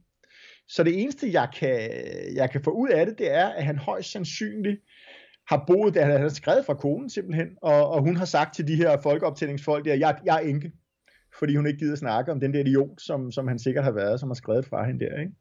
Og tre måneder efter, så dør hun. jeg har simpelthen fundet hendes, øh, hendes, øh, hendes dødsattest, af det, de kalder coronary hemorrhage. Og det kan jo være alle mulige forskellige blødninger der. Og, øh, og nu, skal jeg, altså, nu er det, udlå, det er ren spekulation, men min, min, min, den, den sørgelige udgave af det, det der med, at øh, de, de, hun har været sammen med, jeg tror det er 6-7 år, hun har ikke fået nogen børn, og det er jo også stigmatiserende på det her tidspunkt her, hun er en ganske ung kvinde, at hun ikke kan få børn, og det har jo ikke været ham, der ikke kunne få børn, for han har jo fået børn før, og så videre, og så skrider han, Gud hjælpe mig og bor tæt på, sammen med en anden kvinde, og så videre, så der, der er stor sandsynlighed for, at hun rent faktisk har taget livet af sig selv, den her stakkels kvinde her, ikke? Øh, og det kunne jeg pludselig sidde og kigge ud, fordi det, det kan også være, at hun er død af andre årsager, det aner jeg ikke. Øh, men de, al, al den slags ting kunne jeg begynde at grave frem. Jeg kunne også grave frem, at det lyder som om, at hans mor i øvrigt døde af øh, højst sandsynligt i barselsseng, da hun fødte sit 9. barn, kunne hjælpe mig. Ikke? Og alle de der ting, de begynder at, at dukke frem. Problemet er, at i de amerikanske arkiver, øh, der øh, kan man kun gå, øh, gå man, man kan, når du kommer hen til 72 år siden, så er de ikke frigivet mere. De har sådan en 72 års grænse. Så det vil sige, for eksempel census fra, fra øh, 1950, de bliver først frigivet næste år. Dem går jeg og venter på. øh, og det er også dåbsattester, det er også alle mulige andre ting. Så der er simpelthen en grænse. Jeg, jeg kan simpelthen ikke se, hvad der sker øh, før, øh, før næste år, i hvert fald med de der censuses der. Og så tænker jeg, hvad fanden gør jeg så? Fordi øh, omkring 1950, så, så forsvinder sporet, så kan jeg simpelthen ikke finde nogen, nogen, nogen arkivalier på ham. Og så gik jeg simpelthen og kiggede i øh, de amerikanske white pages, øh, som også er på nettet, bare i Ohio og Pennsylvania, fordi jeg vidste, at han havde boet i Ohio, og jeg vidste, at hans, øh, hans ting var blevet solgt i Pennsylvania. Og på det her tidspunkt, der havde jeg allerede et rimelig, øh, jeg havde hans familietræ ret, øh, ret tydeligt. Jeg vidste, jeg vidste, hvem der var hvem, og jeg vidste, hvem hans børns svigerforældre var, eller sådan nogle ting. Så jeg havde et familietræ. Og så begyndte jeg pludselig at finde nogle af de der folk der, som burde være hans børn og, og børnebørn og oldebørn. Og så fandt jeg ud af, at jeg kunne hjælpe med der, hvor han havde boet til sidst. Jeg tror, det er tre blokke væk, eller sådan noget så boede der boede hans oldebørn. Han havde, han havde simpelthen, eller et af hans oldebørn, han havde simpelthen, eller han har et, øh, sådan et, et construction, øh, høle construction hedder det. Altså sådan en bygge, byggefirma. Og øh, det kan godt være, at det er nemt at finde dødsattester for, øh, for 80 år siden og sådan noget i USA, men det er svært, øh, svært at finde en e-mailadresse, skulle jeg hilse at sige. Jeg, jeg kunne simpelthen ikke finde e-mailadressen de her folk, for alting er jo beskyttet i dag, så man ikke får spam-mails og så videre. Men jeg fandt en, en mailadresse på, på hans firma, og så sendte jeg ham en mail. Og samtidig så fandt jeg over i Pennsylvania, at der, var, der, der er en familie, øh, der er en del af familien, der bor i Ohio, og der er en, en del af familien, der bor i Pennsylvania. Og så fandt jeg ud af, at Gud hjælp med, at han har et barnebarn, som bor i Pennsylvania, som har været omkring, som, eller som, som der er en sandsynlighed for, at, øh, at hun har været i live og har mødt ham rent faktisk. Og hende kunne jeg heller ikke finde noget på, så hende sendte jeg simpelthen et fysisk brev, så et papirbrev, så jeg er den og den, og jeg har fundet det. Og heldigvis så kan jeg sætte links til alle de her mange, mange posts, jeg efterhånden har lavet øh, omkring øh, Robert Mercer, som bliver, mere, de bliver længere og længere, og mere og mere detaljeret, og flere og flere papirer, og jeg ved ikke hvad. Og så sagde jeg, prøv at se, jeg ved det her om din, øh, din øh, bedstefar. Øh, kunne du ikke tænke dig at snakke med mig? Jeg kunne godt tænke mig at vide, hvor, at, øh, hvem der har solgt effekterne, og hvad der overhovedet er sket med ham, hvornår han døde. Jeg, for jeg ved ikke, hvornår han er død. Ikke? Og det sendte jeg så også til, øh, til ham her, gutten her i, øh, i Ohio. Og så gik der lidt tid, og så jeg kan stadig huske, da jeg fik, jeg fik sådan en mail tilbage fra, ikke fra ham, det jeg sendte den til med hans søster, og hun sagde så, gud, hvor har du alle de her ting fra? Det er jo fantastisk, og så videre. Ej, det passer ikke. Første gang sendte du sådan lige sådan føle, føle, hvem er du? Er du en nutcase? Render du rundt og stalker også, hvad fanden foregår der, ikke? Og så sender den tilbage, og jeg tror også, jeg fik den til at læse de der blogs og så videre. Og så kan jeg stadig huske det, jeg havde, jeg tror, vi havde spist sammen med vores naboer, og jeg var sådan, jeg tror faktisk, jeg var lidt småfuld også. Og så fik jeg en mail fra hende der, det har været sådan kl. 11-12 stykker om aftenen der, hvor jeg pludselig fik hans dødsannonce, hans øh, artikel i avisen om, hvordan han var død. Øh, jeg fik øh, et billede af ham, jeg fik simpelthen et billede af, af Robert Mercer tilsendt af hende, plus et meget, meget øh, følsomt brev, sådan et eller andet med, du er bare derovre, og du kender os slet ikke, og alligevel har du fundet ud af alle de her ting. Og halvdelen, ja, nej, det passer ikke. 80% af alle de her ting vidste de ikke om manden, fordi han har jo virkelig været en, en Rolling Stone, kan man sige, ikke også? Og de har mere haft kontakt med den ekskone, han så havde, som så var, eller familien har været i kontakt med hende, som så var deres oldemor, fordi hun var den stabile af dem, ikke?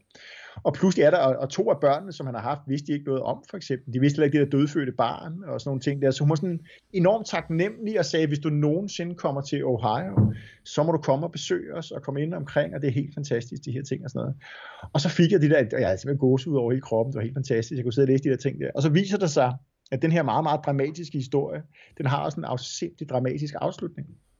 Fordi at øh, Robert Mercer, han, øh, han arbejdede øh, for jernbanen, Øh, det gjorde hans far også, øh, og jeg har sådan stykket sammen. Han, han arbejdede faktisk øh, for jernbanen under hele depressionen. Han har højst sandsynligt kunne, kunne sikre familien sådan en rimelig stabil tilværelse under hele depressionen. Han arbejdede også øh, for, for jernbanen i... Øh, øh frem i 1955, øh, og så han øh, i december 1955, der stod han i Ohio i et kryds, som jeg simpelthen kan, øh, kan jeg har pinpointet, jeg har fundet det kryds, og fundet det på, på, øh, på Google Street View, hvad det er for et kryds. Og så blev han simpelthen trukket 50 meter under en godsvogn midt om natten. Øh, og man fandt, man fandt ham først, da man fandt, at hans lygte, der var stadig, hans lygte var stadig lys i. Og den lå der ved siden af der, hvor Robert Mercer lå, så lå under, under den der togvogn og, og var død.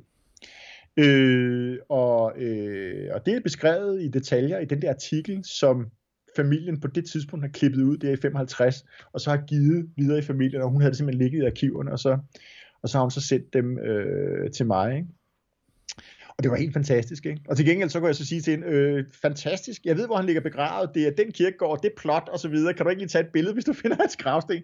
Så vi kunne simpelthen sidde og, og give hinanden de der informationer, der, men jeg fandt simpelthen ud af, hvordan at Robert Mercer var død og så videre. Så kunne jeg så også læse om ham øh, i de der visartikler om hans liv efter krigen. Det virkede som om, at han var blevet sådan en respekteret del af hans, øh, af hans øh, community, kan man sige. Han var både aktiv i veteranbevægelser, han var jo aktiv i bevægelser for folk, der arbejdede for jernbanen. På det her tidspunkt var han meget tilknyttet det der fag, som man, man arbejdede for. Ikke?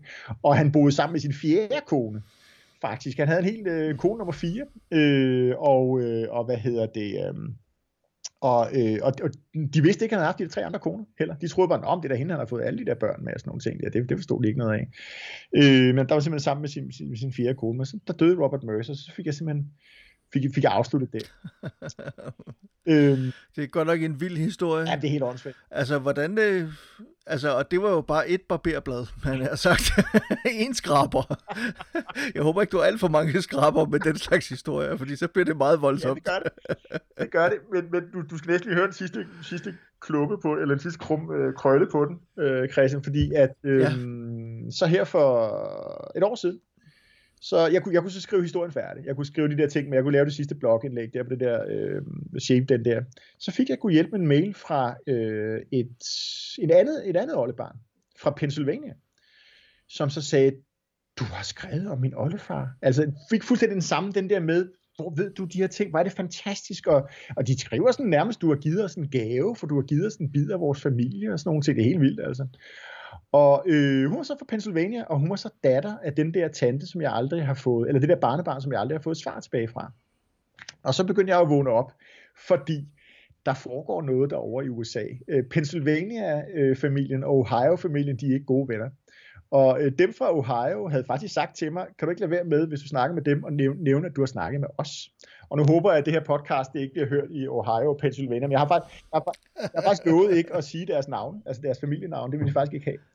Øh, og jeg, jeg, sagde, jeg, jeg har fuldstændig fulgt dem til punkt, punkt og prikke og sådan noget, ikke også? Men, men, men øh, det viser sig, at hende, jeg havde kontaktet derovre, var de ikke så glade for osv., og, og det viser sig også, at de anede ikke en brik om, at de her ting, de var blevet solgt. For jeg, jeg, kunne, jeg kunne sige det der med, at der var en til flere af hans effekter, der var blevet solgt i Pennsylvania. Og så har de jo straks sagt, det er de andre derovre der, ikke? Og nu havde jeg pludselig kontakt med den del af familien også. Men, øh, men hun har haft det lidt svært under corona faktisk her, og hun, øh, hun skriver lidt sporadisk og sådan nogle ting der, og hun, hun startede faktisk med at sige til mig, at jeg har detaljerede informationer om, øh, hvordan at øh, barbersættet er blevet solgt. Jeg ved det og det og det, og jeg skal nok skrive det. Det bliver nok indtil flere posts, som jeg skriver til dig. De skal nok komme, men de er ikke kommet endnu. Og jeg har skrevet et par gange til ham og sagt, hej hej, det er mig, og jeg håber det går godt, og sådan virkelig prøvet at, please, giv mig din information. For jeg ved rent faktisk ikke, hvad der er sket med, med barberskraven siden 55, hvor, hvor Robert Mercer øh, døde, vel? Så det er så de sidste puslespidsbrikker, jeg skal have lagt. Og nu går jeg og venter lidt, og jeg øh, kommer med meget venlige øh, øh, henvendelser en gang imellem. Så jeg håber, hun kommer over det der, hvad der, hvad der, hvad der er, der foregår derovre der. Men der foregår i hvert fald et eller andet imellem de her to grene af familien, som jeg så har, har opdaget. Og min drøm er selvfølgelig at, at, at, at tage dig over og undersøge de her ting. For eksempel så jeg har fundet ud af, at de fleste af de huse, han har boet i, han har, han har boet i steder, som i dag er sådan lidt slumkvarterer i, i Ohio. De står der endnu, de der træhuse der fra 1902 og sådan nogle ting der. Altså, jeg kunne enormt godt tænke mig at, at tage simpelthen på en tur over og besøge dem. Måske endda lave en podcast omkring det, altså hvor jeg besøg, tager simpelthen øh, Robert Mercers øh, vej igennem Europa, hans liv i USA, og så selvfølgelig slutte af med at, at, at gå i krig med familien derovre og snakke med dem, og, og, og høre noget om det og det og sådan noget, ikke også? Men han er, han, er, han er i hvert fald blevet, han er i hvert fald blevet husket nu i forhold til familien. De har simpelthen fået indplaceret ham i familietræet, den her fuldstændig anonyme Første Verdenskrigssoldat. Ikke? Altså. Så det du sådan set prøver at fortælle mig, det er, at man skal passe på, hvad man samler på, for lige pludselig så skvatter man ned i et kaninhul, ja.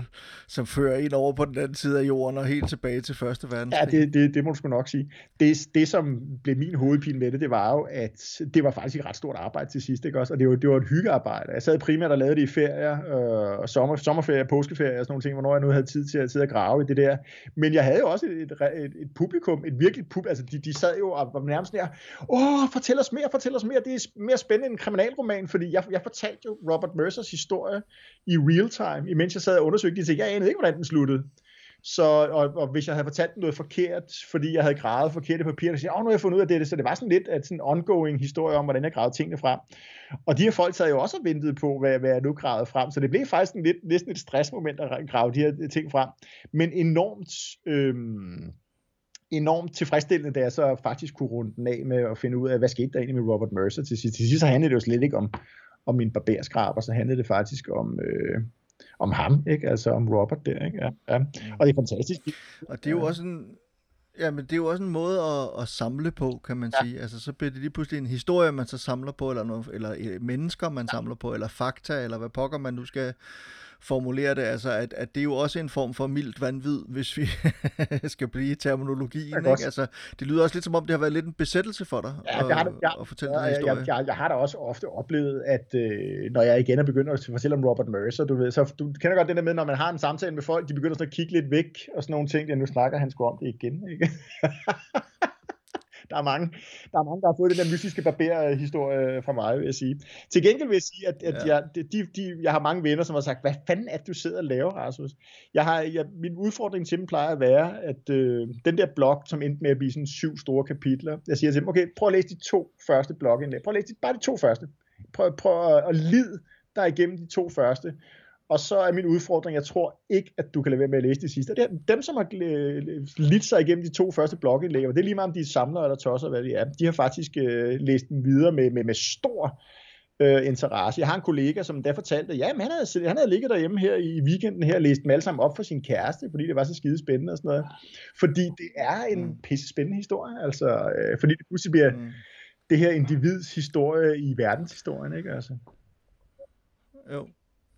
Men fortæl mig så, altså, øh, har det givet dig, øh, nu ved jeg jo selvfølgelig ikke, hvor mange andre øh, barbersæt du har, og hvor meget du dykker ned i dem og sådan noget, men, men har det givet dig lyst til at prøve at, altså kunne det være, har du, har du lyst til at tage den rejse igen, altså skaffe endnu et barbersæt fra brugt af en amerikansk soldat under Første Verdenskrig, og så forsøge at grave dig ned i vedkommendes historie. Er der sådan et eller andet... Øh en fortællelse følgeragtig ting? Jamen, det er der i høj grad. Øh, det er der i høj grad. Og jeg, min, min, min, min kæreste blev da også selv så interesseret i projektet. Hun begyndte også at sige, skal vi ikke snart finde en ny skraber, Rasmus? Det var da skide spændende. Det, hun synes det var enormt, øh, det var enormt spændende. Ikke?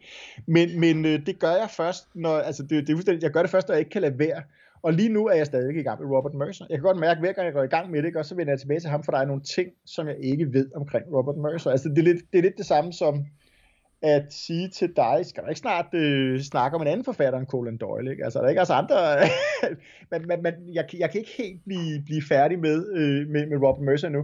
Og en ting, som jeg i hvert fald går og venter på, det er selvfølgelig, når, når jeg kan få de der folketællinger fra 1950, som jeg så kan næste år og så skal jeg have, have gang i den der øh, dame derovre, ikke? altså hende, der bor i, i Pennsylvania. Jeg skal have hende til, til at åbne lidt op. Og så, så er jeg faktisk begyndt på at tænke, der, altså nu, nu ligger det i øjeblikket, i, i sidste ende, så, så ligger alle mine informationer, de ligger faktisk i, i nogle andre folks blog. Ikke? Også jeg, skal, jeg skal have det samlet i, mm. på min egen hjemmeside. Jeg skal arbejde lidt videre med det. Jeg skal have det skrevet om til en fortælling, som ikke bare er en fortælling om, at jeg selv er ude at lede, og højst sandsynligt, jeg kunne faktisk godt tænke mig at lave en eller anden form for, for publicering af det, altså øh, fordi at, at det netop er, altså det ved jeg fra historie, der er interesse for det der med den, den mikrohistorie i den store historie der, ikke også? Og det kan godt være, det bliver noget undervisningsmateriale eller et eller andet, det ved jeg ikke. Men, men der er jo også noget fascinerende i det der med at tage en enkelt genstand. Ja. Altså noget, man samler på. Altså det svarer jo lidt til, at hvis jeg tager en bog, en gammel bog, jeg har, hvor der så er et Lex Ex Libris i fra den forrige ejer, men jeg kan også se, der er også en, der har skrevet sit navn i den på et eller andet tidspunkt i 1940, og så prøver man at grave tilbage. Jeg tror, du, altså og det, og det kan sagtens være, at man kan nå lige så langt tilbage, som du så har nået her, og få fortælle lige så spændende, dramatisk historie, hvad ved jeg, men, men den der fornemmelse af at pludselig blive en del af en historie, eller oprulle en historie, ja. eller blive klogere på, hvad er det for nogle mennesker, der har haft de her ting i hænderne, altså at, at, at, at, at lige pludselig så er der sådan et eller andet, så er der noget liv i den der døde, i det ellers døde objekt, man sidder med i hænderne, ja. altså så får det liv på en eller anden måde, ja. sjæl kan man i, i, i helt ekstrem grad. Altså i helt ekstrem grad. Det, det er fuldstændig den her historie, det er ikke også? Og jeg har mange andre enormt lækre øh, historiske skraber. Så jeg, jeg vil sige, jeg, jeg har også nogle, som faktisk er mere sjældne, og også lidt federe og, og, og vise frem og sådan nogle ting der, men der er ikke nogen tvivl om, at, at, at det der sæt der, øh, på grund af netop det, du siger der, har øh, noget helt andet, ikke også? Altså, det har simpelthen så meget liv og så meget øh, sjæl, så det er helt uhyggeligt, ikke også? Og det er også derfor, at det er også derfor, jeg ikke kan blive færdig med det. Altså, ja, det, det er rigtigt nok, det er sådan en milde vanvid, det der, ikke også? Jeg kan ikke blive færdig, jeg, jeg, har, jeg kan ikke mærke, jeg, har ikke, jeg er ikke færdig med den historie nu. Øh, det kan være en eller anden dag, når der ligger et eller andet øh, tobindsværk omkring Robert Mercer, så, så er jeg tilfreds eller et eller andet. Ikke også? Men lige i øjeblikket kan jeg faktisk ikke rigtig gå i gang med den. Jeg, jeg, jeg, jeg kan sagtens gå i gang med andre historiske undersøgelser, men ikke andre historiske barberundersøgelser, fordi at så føler jeg næsten, at jeg svigter den historie. Altså, det er den historie, jeg er ved at fortælle, det er den historie, jeg lever med, selvom den har ligget stille et godt stykke tid. Altså, jeg startede med den allerede tilbage i, jeg tror det var i 19, nej, hvad havde 2017 og så øh, er den kommet tilbage. Øh, men jeg kan godt mærke, at det, det er den, jeg skal, jeg skal gøre noget ved. Ikke også? Og det er lige før, at jeg snart skal øh, finde en eller anden måde, også at få lavet den der pilgrimstur rundt til, til de hellige Robert Mercer-steder. Hvis vi så lige øh, øh, parkerer Robert Mercer et øjeblik, og så siger du, du har også, altså du har jo også en, en, en mindre samling af, af andre historiske skraber og sådan nogle ting. Hvordan samler du, altså hvad er det for nogle ting, du så går efter? Altså det er stadig kun Gillette, vi ja, snakker ja. om. Min ramme er, øh, jeg, vil kun, jeg, jeg har også noget jeg har lidt andet hister her, men, men det er primært øh, øh, historiske Gillette-skraber. Og øh, jeg kender jo øh, folk, ja, primært via nettet, øh, som har øh, hundredvis af forskellige Gillette-skraber, fordi der er en lille bitte øh, dingenot, der er støbt anderledes her. En er støbt i England, og en er støbt i USA osv. Og den har jeg, netop fordi, at jeg faktisk, det vil jeg, jeg vil påstå, at jeg mangler faktisk det der samlergen der, den, den, den er jeg ikke blevet fanget ind i den der. Det, jeg har sat mig selv øh, som, som mål, det er, at jeg vil have en af de klassiske skrabere øh, med kasse, og jeg vil have en fra hvert årti siden 1903, da, øh, da, da de kom frem. Og det har jeg stort set nu. Jeg har lidt mere end det. Jeg har, hvad, hvad har, jeg har 15 øh, sådan historiske skraber, ikke også? Og det er ikke sådan, at jeg, når jeg finder en historisk skraber, så bare sidder og siger, jeg må have en ny. Altså, jeg har en ret stor, det er også der, hvor jeg har fundet mig selv lidt anderledes i forhold til det, som du måske øh, har beskrevet i nogle af de andre øh, podcasts der. Jeg har faktisk en enorm glæde i at finde det, de har sæt her øh, i sig selv. Øh, og nogle gange så føler jeg faktisk, nogle gange har jeg tænkt det der ved, skal jeg ikke ud, ud på eBay og kigge igen? Men jeg venter faktisk med at gå ud og kigge på eBay, når jeg sådan mærker, nu er det rigtigt, nu har jeg brug for at kigge på noget andet. Ikke? Og, og faktisk efter jeg fik fat i mit Robert Mercer-sæt her, er, er, er øh, trangen blevet, blevet mindre, øh, fordi det er som om, jeg har noget at grave i her. Jeg siger sådan nogle gange til mig selv, grav nu for helvede videre. Hvorfor skal du have noget mere, når du har det der fantastiske spændende? Altså, og, og, og, og, og, og sådan fungerer jeg lidt. Og så, og så er det også noget at gøre med, at øh, det sæt, som jeg satte mig helt ekstremt op til at få efter Robert Mercer sættet, det har jeg faktisk fået. Altså hvis det, hvis det var den store hvide valg, så det der, det er den store, øh, det, det er helt vildt det sæt, som jeg fik. Der, der er et sæt, som udkom i, øh, det startede med at udkomme i 1920, øh, som hedder, det var den jeg snakkede om før, en Gillette Big Fellow og du skal næsten gøre dig selv den tjeneste og, og øh, bare google Gillette Big Fellow commercials. De har de mest fantastiske, i dag vil man jo kalde dem grotesk sexistiske reklamer, øh, fordi det, det Gillette Big Fellow gik ud på, det var, at de her små skraber her, som øh, man gav til de amerikanske soldater, som de alle sammen kom hjem med, de er relativt små, og jeg tror faktisk, at der har siddet en executive på på øh, Gillette og sagt, shit, vi har fat i hele årgangen her, men de er lidt små og femsede. Vi skal sende dem et eller andet stort og maskulint. Og en Gillette Big Fellow er stor og maskulin, og den er tydeligvis øh, sendt til arbejderklassen. Altså, og man kan få masser af sæt med silke i, og ting og sager meget fine sæt, men en Gillette Big Fellow, den kommer i sådan en stor snikkereret trææske, hvor der simpelthen i træ er indgraveret Gillette på, og så er den simpelthen kæmpestor og kæmpe tung. Der er simpelthen bly i den, for det skal være ekstra tung. Og reklamerne skriver sådan nogle ting som, uh, a man-sized razor for a man-sized fist. Og, øh, og jeg tror, jeg, jeg, jeg, lige før jeg mener, de skriver sådan noget med øh, a real racer for a real man, og altså det er helt vildt. Og så viser de sådan nogle, at nogle af den, hele den her generation af folk, som byggede skyskraberne i New York og sådan noget, ikke? også der står med de her kasketter på, og ingeniører, som måler op og sådan noget, de står også og barberer sig med de her racers her. Det er helt fantastisk, og et helt fantastisk øh, tidsbillede. Og den fik jeg fandme fat i. Jeg fik fat i en fremragende øh, udgave af den, og jeg fik endda fat i den med den originale papæske. Jeg har simpelthen en papæske, der er over 100 år gammel. Det er der, hvor der er en underskrift fra, mm. fra King Gillette på. Og det er lige før, jeg ikke kan finde noget, der er federe. det, er sgu, det er faktisk svært at finde noget, der er federe. Øh, men, men der, er jo også, der er jo også et stykke kulturhistorie i det, og, og et stykke arbejderhistorie, okay. og alt muligt andet historie i det. Altså, det, det, er jo, det, det er jo der, hvor de så lige pludselig begynder at altså, få, få luft under vingerne på en eller anden måde, at, at det bliver meget mere end bare genstand i sig selv. Det bliver også den historie, det fortæller. Udover Robert Mercers personlige historie, men så også en, en bredere samfundsmæssig historie. Ja, det gør det høj, i høj grad. Og også det der med, at du faktisk, man finder faktisk to spor i de der, de der, de der skraber, de begynder at lave. Der er tydeligvis arbejderklasseskraberne, og så er der overklasseskraberne. Øh, der findes faktisk, det, jo, det er måske den, som, som jeg skal have fat i. Der findes et stort metalsæt, også med den her øh, Big Fellow her, som tydeligvis er lavet til, til, øh, til overklassen, ikke? Øh, som er væsentligt dyrere, men også fantastisk. Der er sådan en lille velur i den og ting og sager. Og, så, og det er faktisk det, som jeg, det spor, som jeg er begyndt at gå ud af, fordi mange af de skraber, jeg, er, jeg har, det er sådan nogle arbejderklasseskraber. Men der er også en, der hedder en aristokrat, og der er en, der hedder Øh, øh, ja, der er nogen, der har de der navne. Jo, der er også en, der hedder en Gillette Milord og så videre. Og dem er jeg også begyndt at samle på. Jeg har fået, jeg har fået en aristokrat nu her.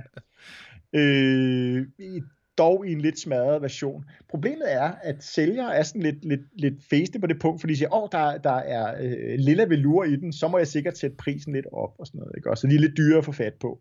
Mm. Så der bliver, jeg lidt, øh, der bliver jeg også lidt, øh, Øh, lidt nære øh, nogle gange der. Men dem går jeg sådan lidt i det små og leder efter. Men jeg køber dem først, når jeg virkelig føler behov for det, kan man sige. Ikke? Men, men det er interessant, du snakker om det der med jagten, og, og, og, og det er jo fuldstændig rigtigt, at, at, at mange af os samler, altså vi går, vi, vi køber nogle ting, og så får vi genstand hjem, og så går vi videre, og så jagter vi videre efter den næste, den næste rus, om jeg så må sige, den næste, øh, øh, altså den næste ting, hvor, hvor vi kan få adrenalin op og, og køre igen og, og pumpe rundt i kroppen og så videre. Altså brug for den der tilfast, tilfredsstillelse, det der high hele tiden. Øh, men, men der virker det også lidt som om, at, at, at altså, du siger, du har, ikke, du har det ikke helt på samme måde, men så har du så alligevel Robert Mercer.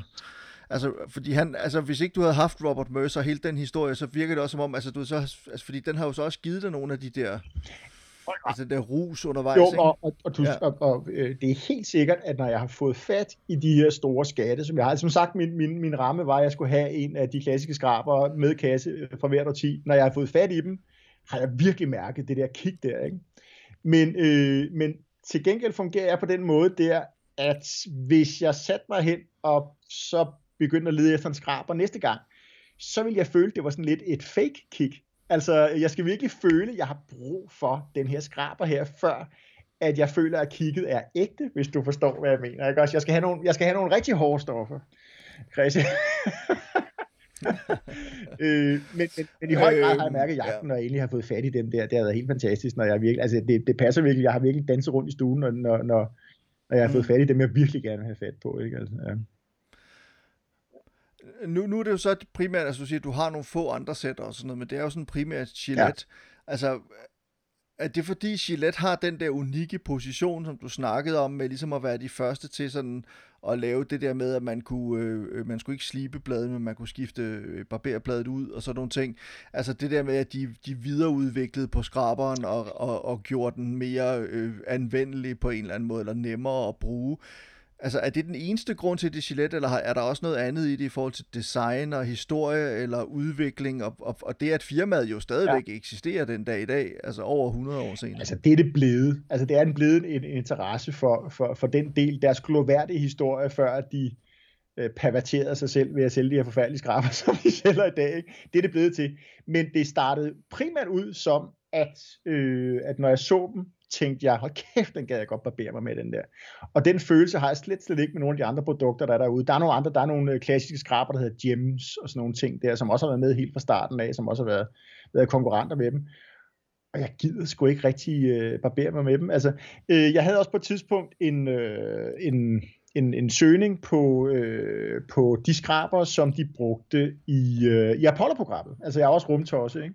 Så jeg tænkte, shit, jeg skal have fat i de skraber, som de brugte i Apollo-programmet. Der er sådan en, en lidt sjov historie med, at i Apollo-programmet, der brugte de et par millioner på at finde ud af, hvordan de fik lavet en, øh, en, øh, barber, øh, en elektrisk barbermaskine, som sugede hårene ind, for det duer ikke, at hårene fiser rundt i kabinen og sætter sig i al elektronikken der. Og så er der en eller anden smart fyr, der på et tidspunkt har sagt, øh, de skal sgu da bare bruge vådbarbering, fordi at så, så kommer hårene jo ikke ud og svæve og sådan noget. Så det brugte, de brugte rent faktisk vådbarbering deroppe. Men de bruger en, øh, de brugte en, da jeg så fandt ud af, at de bruger sådan en relativ de brugte en relativt kedelig skrab, og det var sådan en, et system, de havde, hvor, man, øh, hvor det, der skrabede øh, skægget af, det var sådan en meget tynd metaltråd. Og den var jeg bare ikke specielt interesseret i. Så selvom det var en Apollo-skraber og så videre, så tænker jeg, ah, det, det kan godt være, at jeg kører den på et eller andet tidspunkt, men jeg kan slet ikke, jeg kan ikke komme op og køre over det, medmindre det også er noget, hvor jeg siger, det der er bare det fedeste designprodukt, som jeg virkelig har lyst til at have i hånden, og som jeg har lyst til at barbere mig med. Der er også nogle, øh, sådan nogle ret specielle bakelitskraber, også fra, fra 2. verdenskrig for eksempel. Øh, der er en, en, en berømt øh, skraber fra 2. verdenskrig, som ikke blev udleveret til soldaterne, men som blev brugt af soldaterne, som er lavet af bakelit og aluminium. Og teorien går på, at det var fordi, at det, det kover, som man ellers meget lavede skraber af, det blev altså brugt i, i militærindustrien. Og jeg har faktisk haft den i hånden og prøvet den og så videre, men fordi den er bakelit og let og ting og sager, så giver den mig slet, slet ikke det der den der følelse af, at det er fede, lækre, tunge instrument. Så min, min primære trang til at få de her skraber er faktisk, shit, den gad jeg godt barbere mig med den. det er simpelthen, altså det er også derfor, jeg siger, at jeg, jeg i langt hen ad vejen bruger. Hvis jeg ikke har lyst til at bruge det, så gider jeg faktisk heller ikke have det. De her skraber her. Øhm, det er meget syret, men sådan er jeg faktisk, ja. Heldigvis kan man sige, så har jeg sparet en masse penge på, på, på alle de ting, jeg ikke gider at bruge. Ikke? Altså. Men prøv at forestille dig, prøv at forestille dig det, det ja. der historiske sug, det også giver og få sådan en skrab, og så ligger den og renser et par dage og så videre, og så tager jeg et billeder ind, og så står jeg og skraber med noget, som er 75 år gammel, eller over 100 år gammel. Det er en fantastisk følelse, altså. mm.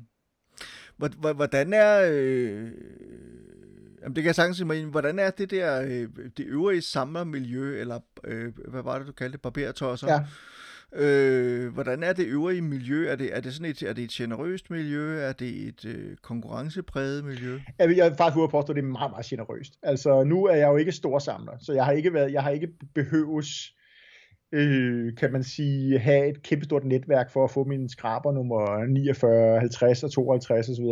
Men det er et enormt øh, generøst niveau, øh, eller, eller miljø. Nu, nu, nu fik jeg jo lidt udlagt mange af de her kerne øh, skraber entusiaster fra USA, som, som, som Trump vælger fra Midtvesten osv men vi har også meget, øh, kan man sige, grimt billede af dem, men der er et stort sådan, æreskodex i dem. Jeg har, jeg har sjældent været på, på forumer, hvor de snakker pænere til hinanden. Hvis der er nogen, der ikke snakker pænt til hinanden, så bliver det sådan lidt, ah, nu skal vi lige øh, holde en god tone og så videre. Virkelig pæn og jeg, jeg, jeg fik faktisk startet en diskussion op, eller det var ikke med vilje, det var, det var en af de andre, som startede den op, øh, da jeg snakkede om, hvordan man værvede folk til, til Første Verdenskrig. Altså Første Verdenskrigs værvekampagnerne er jo helt gak i låget. Det er sådan noget med, med plakater, hvor du siger, hvor mødre står og siger, take my son for glory og ting og sager, og, og sådan nogle udskamningsplakater, hvor der står og siger, øh, hvor, hvor de siger, øh, dine kammerater er draget i krig, hvad laver du, og sådan nogle ting, ikke? Øh, og øh, så havde jeg nogle, øh, det, det, det er fordi højst sandsynligt, at de plakater, som har fået Robert Mercer til at melde sig, da han allerede var 17 år, ikke? Og så var der så en, øh, tydeligvis en amerikansk øh, øh socialist, som så skriver om øh, kring, øh, sådan meget beåndet, skriver omkring de her ting, det er fantastisk. Og så jeg, jeg, jeg kommer også lidt ind på, på antikrigsbevægelser og ting og sager. Og så var der et, et sociali, amerikansk socialistisk blad faktisk på det her tidspunkt her, som var meget øh, antikrigsorienteret. Øh, og han havde øh, sådan nogle store coffee table books af genoptryk af de der blade. Det var en helt fantastisk kilde jo. Og så snakkede vi sådan lidt frem og tilbage omkring det. Men fordi at han skrev om et blad, som så var antikrigs og så videre, så var der altså nogle af de der good old boys, som ikke kunne holde den længere, og så kommer det, ja, de skulle også bare have lavet ved med at skrive sådan noget pis. Det er godt, at bladet blev lukket dengang, så pludselig så blev det så bliver det pludselig nutid i den diskussion der. Sådan noget, ikke? Så bliver det politisk. Ja, jeg satte mig bare tilbage og tænkte, okay, det er en antropologisk undersøgelse, lad os se, hvad der sker her, og komme med meget neutrale. Jeg prøvede sådan at tage den lidt ned. Ja, ja, øh, antikrigsbevægelsen øh, som bevægelse er jo faktisk først noget, der starter fra Første Verdenskrig. Skrev lidt omkring intet nyt fra Vestfront, med ting og sager og sådan noget, ikke også? Øh, og, men de der, selv, selv i den diskussion blev de enige om, jeg tror, vi skal lukke den her, sir, og sådan nogle ting hinanden. Ikke? Så det, var, det, er sådan, det er meget, meget, øh, kan man sige, velopdragent miljø. Ikke? Og så er de meget, meget generøse. Altså, de giver rask væk til hinanden. Der er en øh, på nogle af de der communities der, som sidder og laver håndlavede håndlavede barberbørster til nogle af de andre, hvor det for eksempel, hvis de så kommer fra, der, der er nogle af dem for eksempel, der vil gerne have, at så er det det der insignia, de har fra det militærkompani, de så selv har served i, og sådan ting, og ja, så laver han det og støber det. Det, det, det, er en helt, det er en helt fantastisk community, øh, rent faktisk. Og mange af de der øh, good old boys der, jeg havde mange, mange øh, fede øh, udvekslinger med dem. Der var også en af dem, som jeg skrev øh, sammen med igennem længere tid omkring, at hans bedstefar eller oldefar havde spillet i et kanatisk militærband under 1. verdenskrig, og vi begyndte at sende dokumenter frem og tilbage og sådan nogle ting der. Men det har nok også, jeg tror måske, at, at det fungerer så godt, er måske også, at øh, heldigvis, at, at de her barberskraber er ikke særlig dyre. Altså det er, at du kan ikke finde dig en skat, som du kan sælge videre for 100.000 på et andet forum, og så blive millionær. Det kan, det kan du bare ikke. Det er noget andet end tegneserie, ikke? Så det vil sige, at det er i sidste ende, i samme miljøer, er det håndører at, at der ryger over disken, ikke også? Og måske heldigvis, kan man sige, ikke også? Øh, fordi de her skraber her, som sagt, det er ikke noget, man smider væk, de eksisterer stadigvæk. Og man finder tit en spand fyldt med skraber i en garage eller et eller andet fra et eller andet plejehjem og ting. Der, der, de findes alle steder, fordi de, de, de, øh, de forgår ikke vel. Ligesom et tegneserieblad for eksempel, øh, Ville. Så måske er det det, det ved jeg ikke, men det er et meget, meget generøst og meget, meget øh, gentlemanagtigt miljø. Og nu kender jeg det faktisk kun fra de her sider her, vil jeg sige. Altså, jeg, jeg kender faktisk ikke, det, det eneste, jeg kender fra, fra det danske miljø, det er det miljø, jeg selv befinder mig i, og det er meget, meget lukket miljø af, af kolleger. Ja. De, de går ikke rundt og snitter hinanden med barberbladene, med andre ord. Det gør de sikkert. Ja, det, det, jo, det gør de. Øh, os, os, der er vildt med double-edged uh, safety razors, vi kan jo ikke lide dem med ravknivene. Så dem med ravknivene, de er sikkert nogle røvhuller. Det. det er det. Skærer halsen over ja, på hinanden. Og, miljø, ja, når de bliver... ja. Hvad hedder det, øh, Rasmus? Uh, tusind tak for det var sgu en spændende historie, må jeg sige, og, og, og det, det førte mig bestemt et, et helt andet sted hen, end jeg havde forventet. ja. Det er jo nok den, øh, indtil videre den, øh, den mest grundige historielektion, vi endnu har fået her i, øh, i podcasten Samlerne, men, men, men den, er jeg, den er jeg sgu glad for. Jeg synes, det var virkelig spændende, og det, og jeg synes også, det der er fedt ved, det fede ved det, for det første, at du, du samler på en anden måde, end, end måske mange andre samlere gør, men du er jo ikke mindre dedikeret, og du går jo stadig op i, hvad fanden er det, du har med at gøre, og så kører du ellers ud. Altså helt i bund med det, kan man sige. ja. ikke? Du, du finder ud af alt, hvad der er værd at finde ud af, og, og så du har vil jeg våge at påstå, en rem af huden, ligesom alle os andre. Du lider også af det milde vanvid. Øh, måske endda det store vanvid, det skal jeg ikke kunne afvise. Det er jeg for at høre, så føler jeg øh, mig ikke udenfor øh, for storsamlet. Nej, præcis. præcis, men, men uh, Rasmus Rosengård, tusind tak, fordi du ville være med i Samlerne. Tusind tak, fordi jeg måtte være med, øh, Christian. Det var en stor fornøjelse, og en stor ære også. Det er jeg meget, meget glad for. Tak skal du have, Rasmus. Og også tak til, til alle jer, der sidder derude og lytter med. Jeg håber, I er blevet meget klogere af at lytte til det her, lige præcis det her afsnit af Samlerne. Det er jeg i hvert fald. Det var sgu ret spændende, og selvom jeg ikke øh, længere barberer mig, så øh, som sagt, så får jeg sgu næsten lyst til alligevel at prøve. Øh, måske en sommerferie kunne jeg ravet hele skægget af i starten af sommerferien, så kunne det nå at vokse ud igen, inden jeg igen skal ud i verden. Men i hvert fald så har det været spændende. Tak fordi I lytter med. Øh, hvis I skulle have lyst til at gå ind og skrive en anmeldelse, eller give den her podcast nogle stjerner, der hvor I nogle gange lytter til podcasts, for eksempel Apple Podcasts eller andre steder, så må I endelig gøre det. Og husk nu, ikke øh, alt under fem stjerner er fuldstændig uacceptabelt. Øh, I hvert fald tak fordi I lytter med, og vi hører snart ved igen. Hej hej.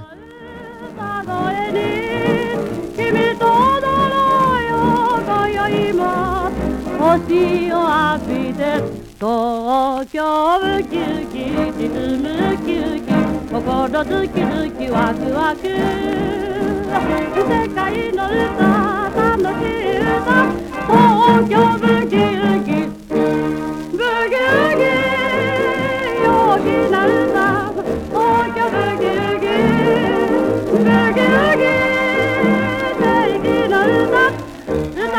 no, no.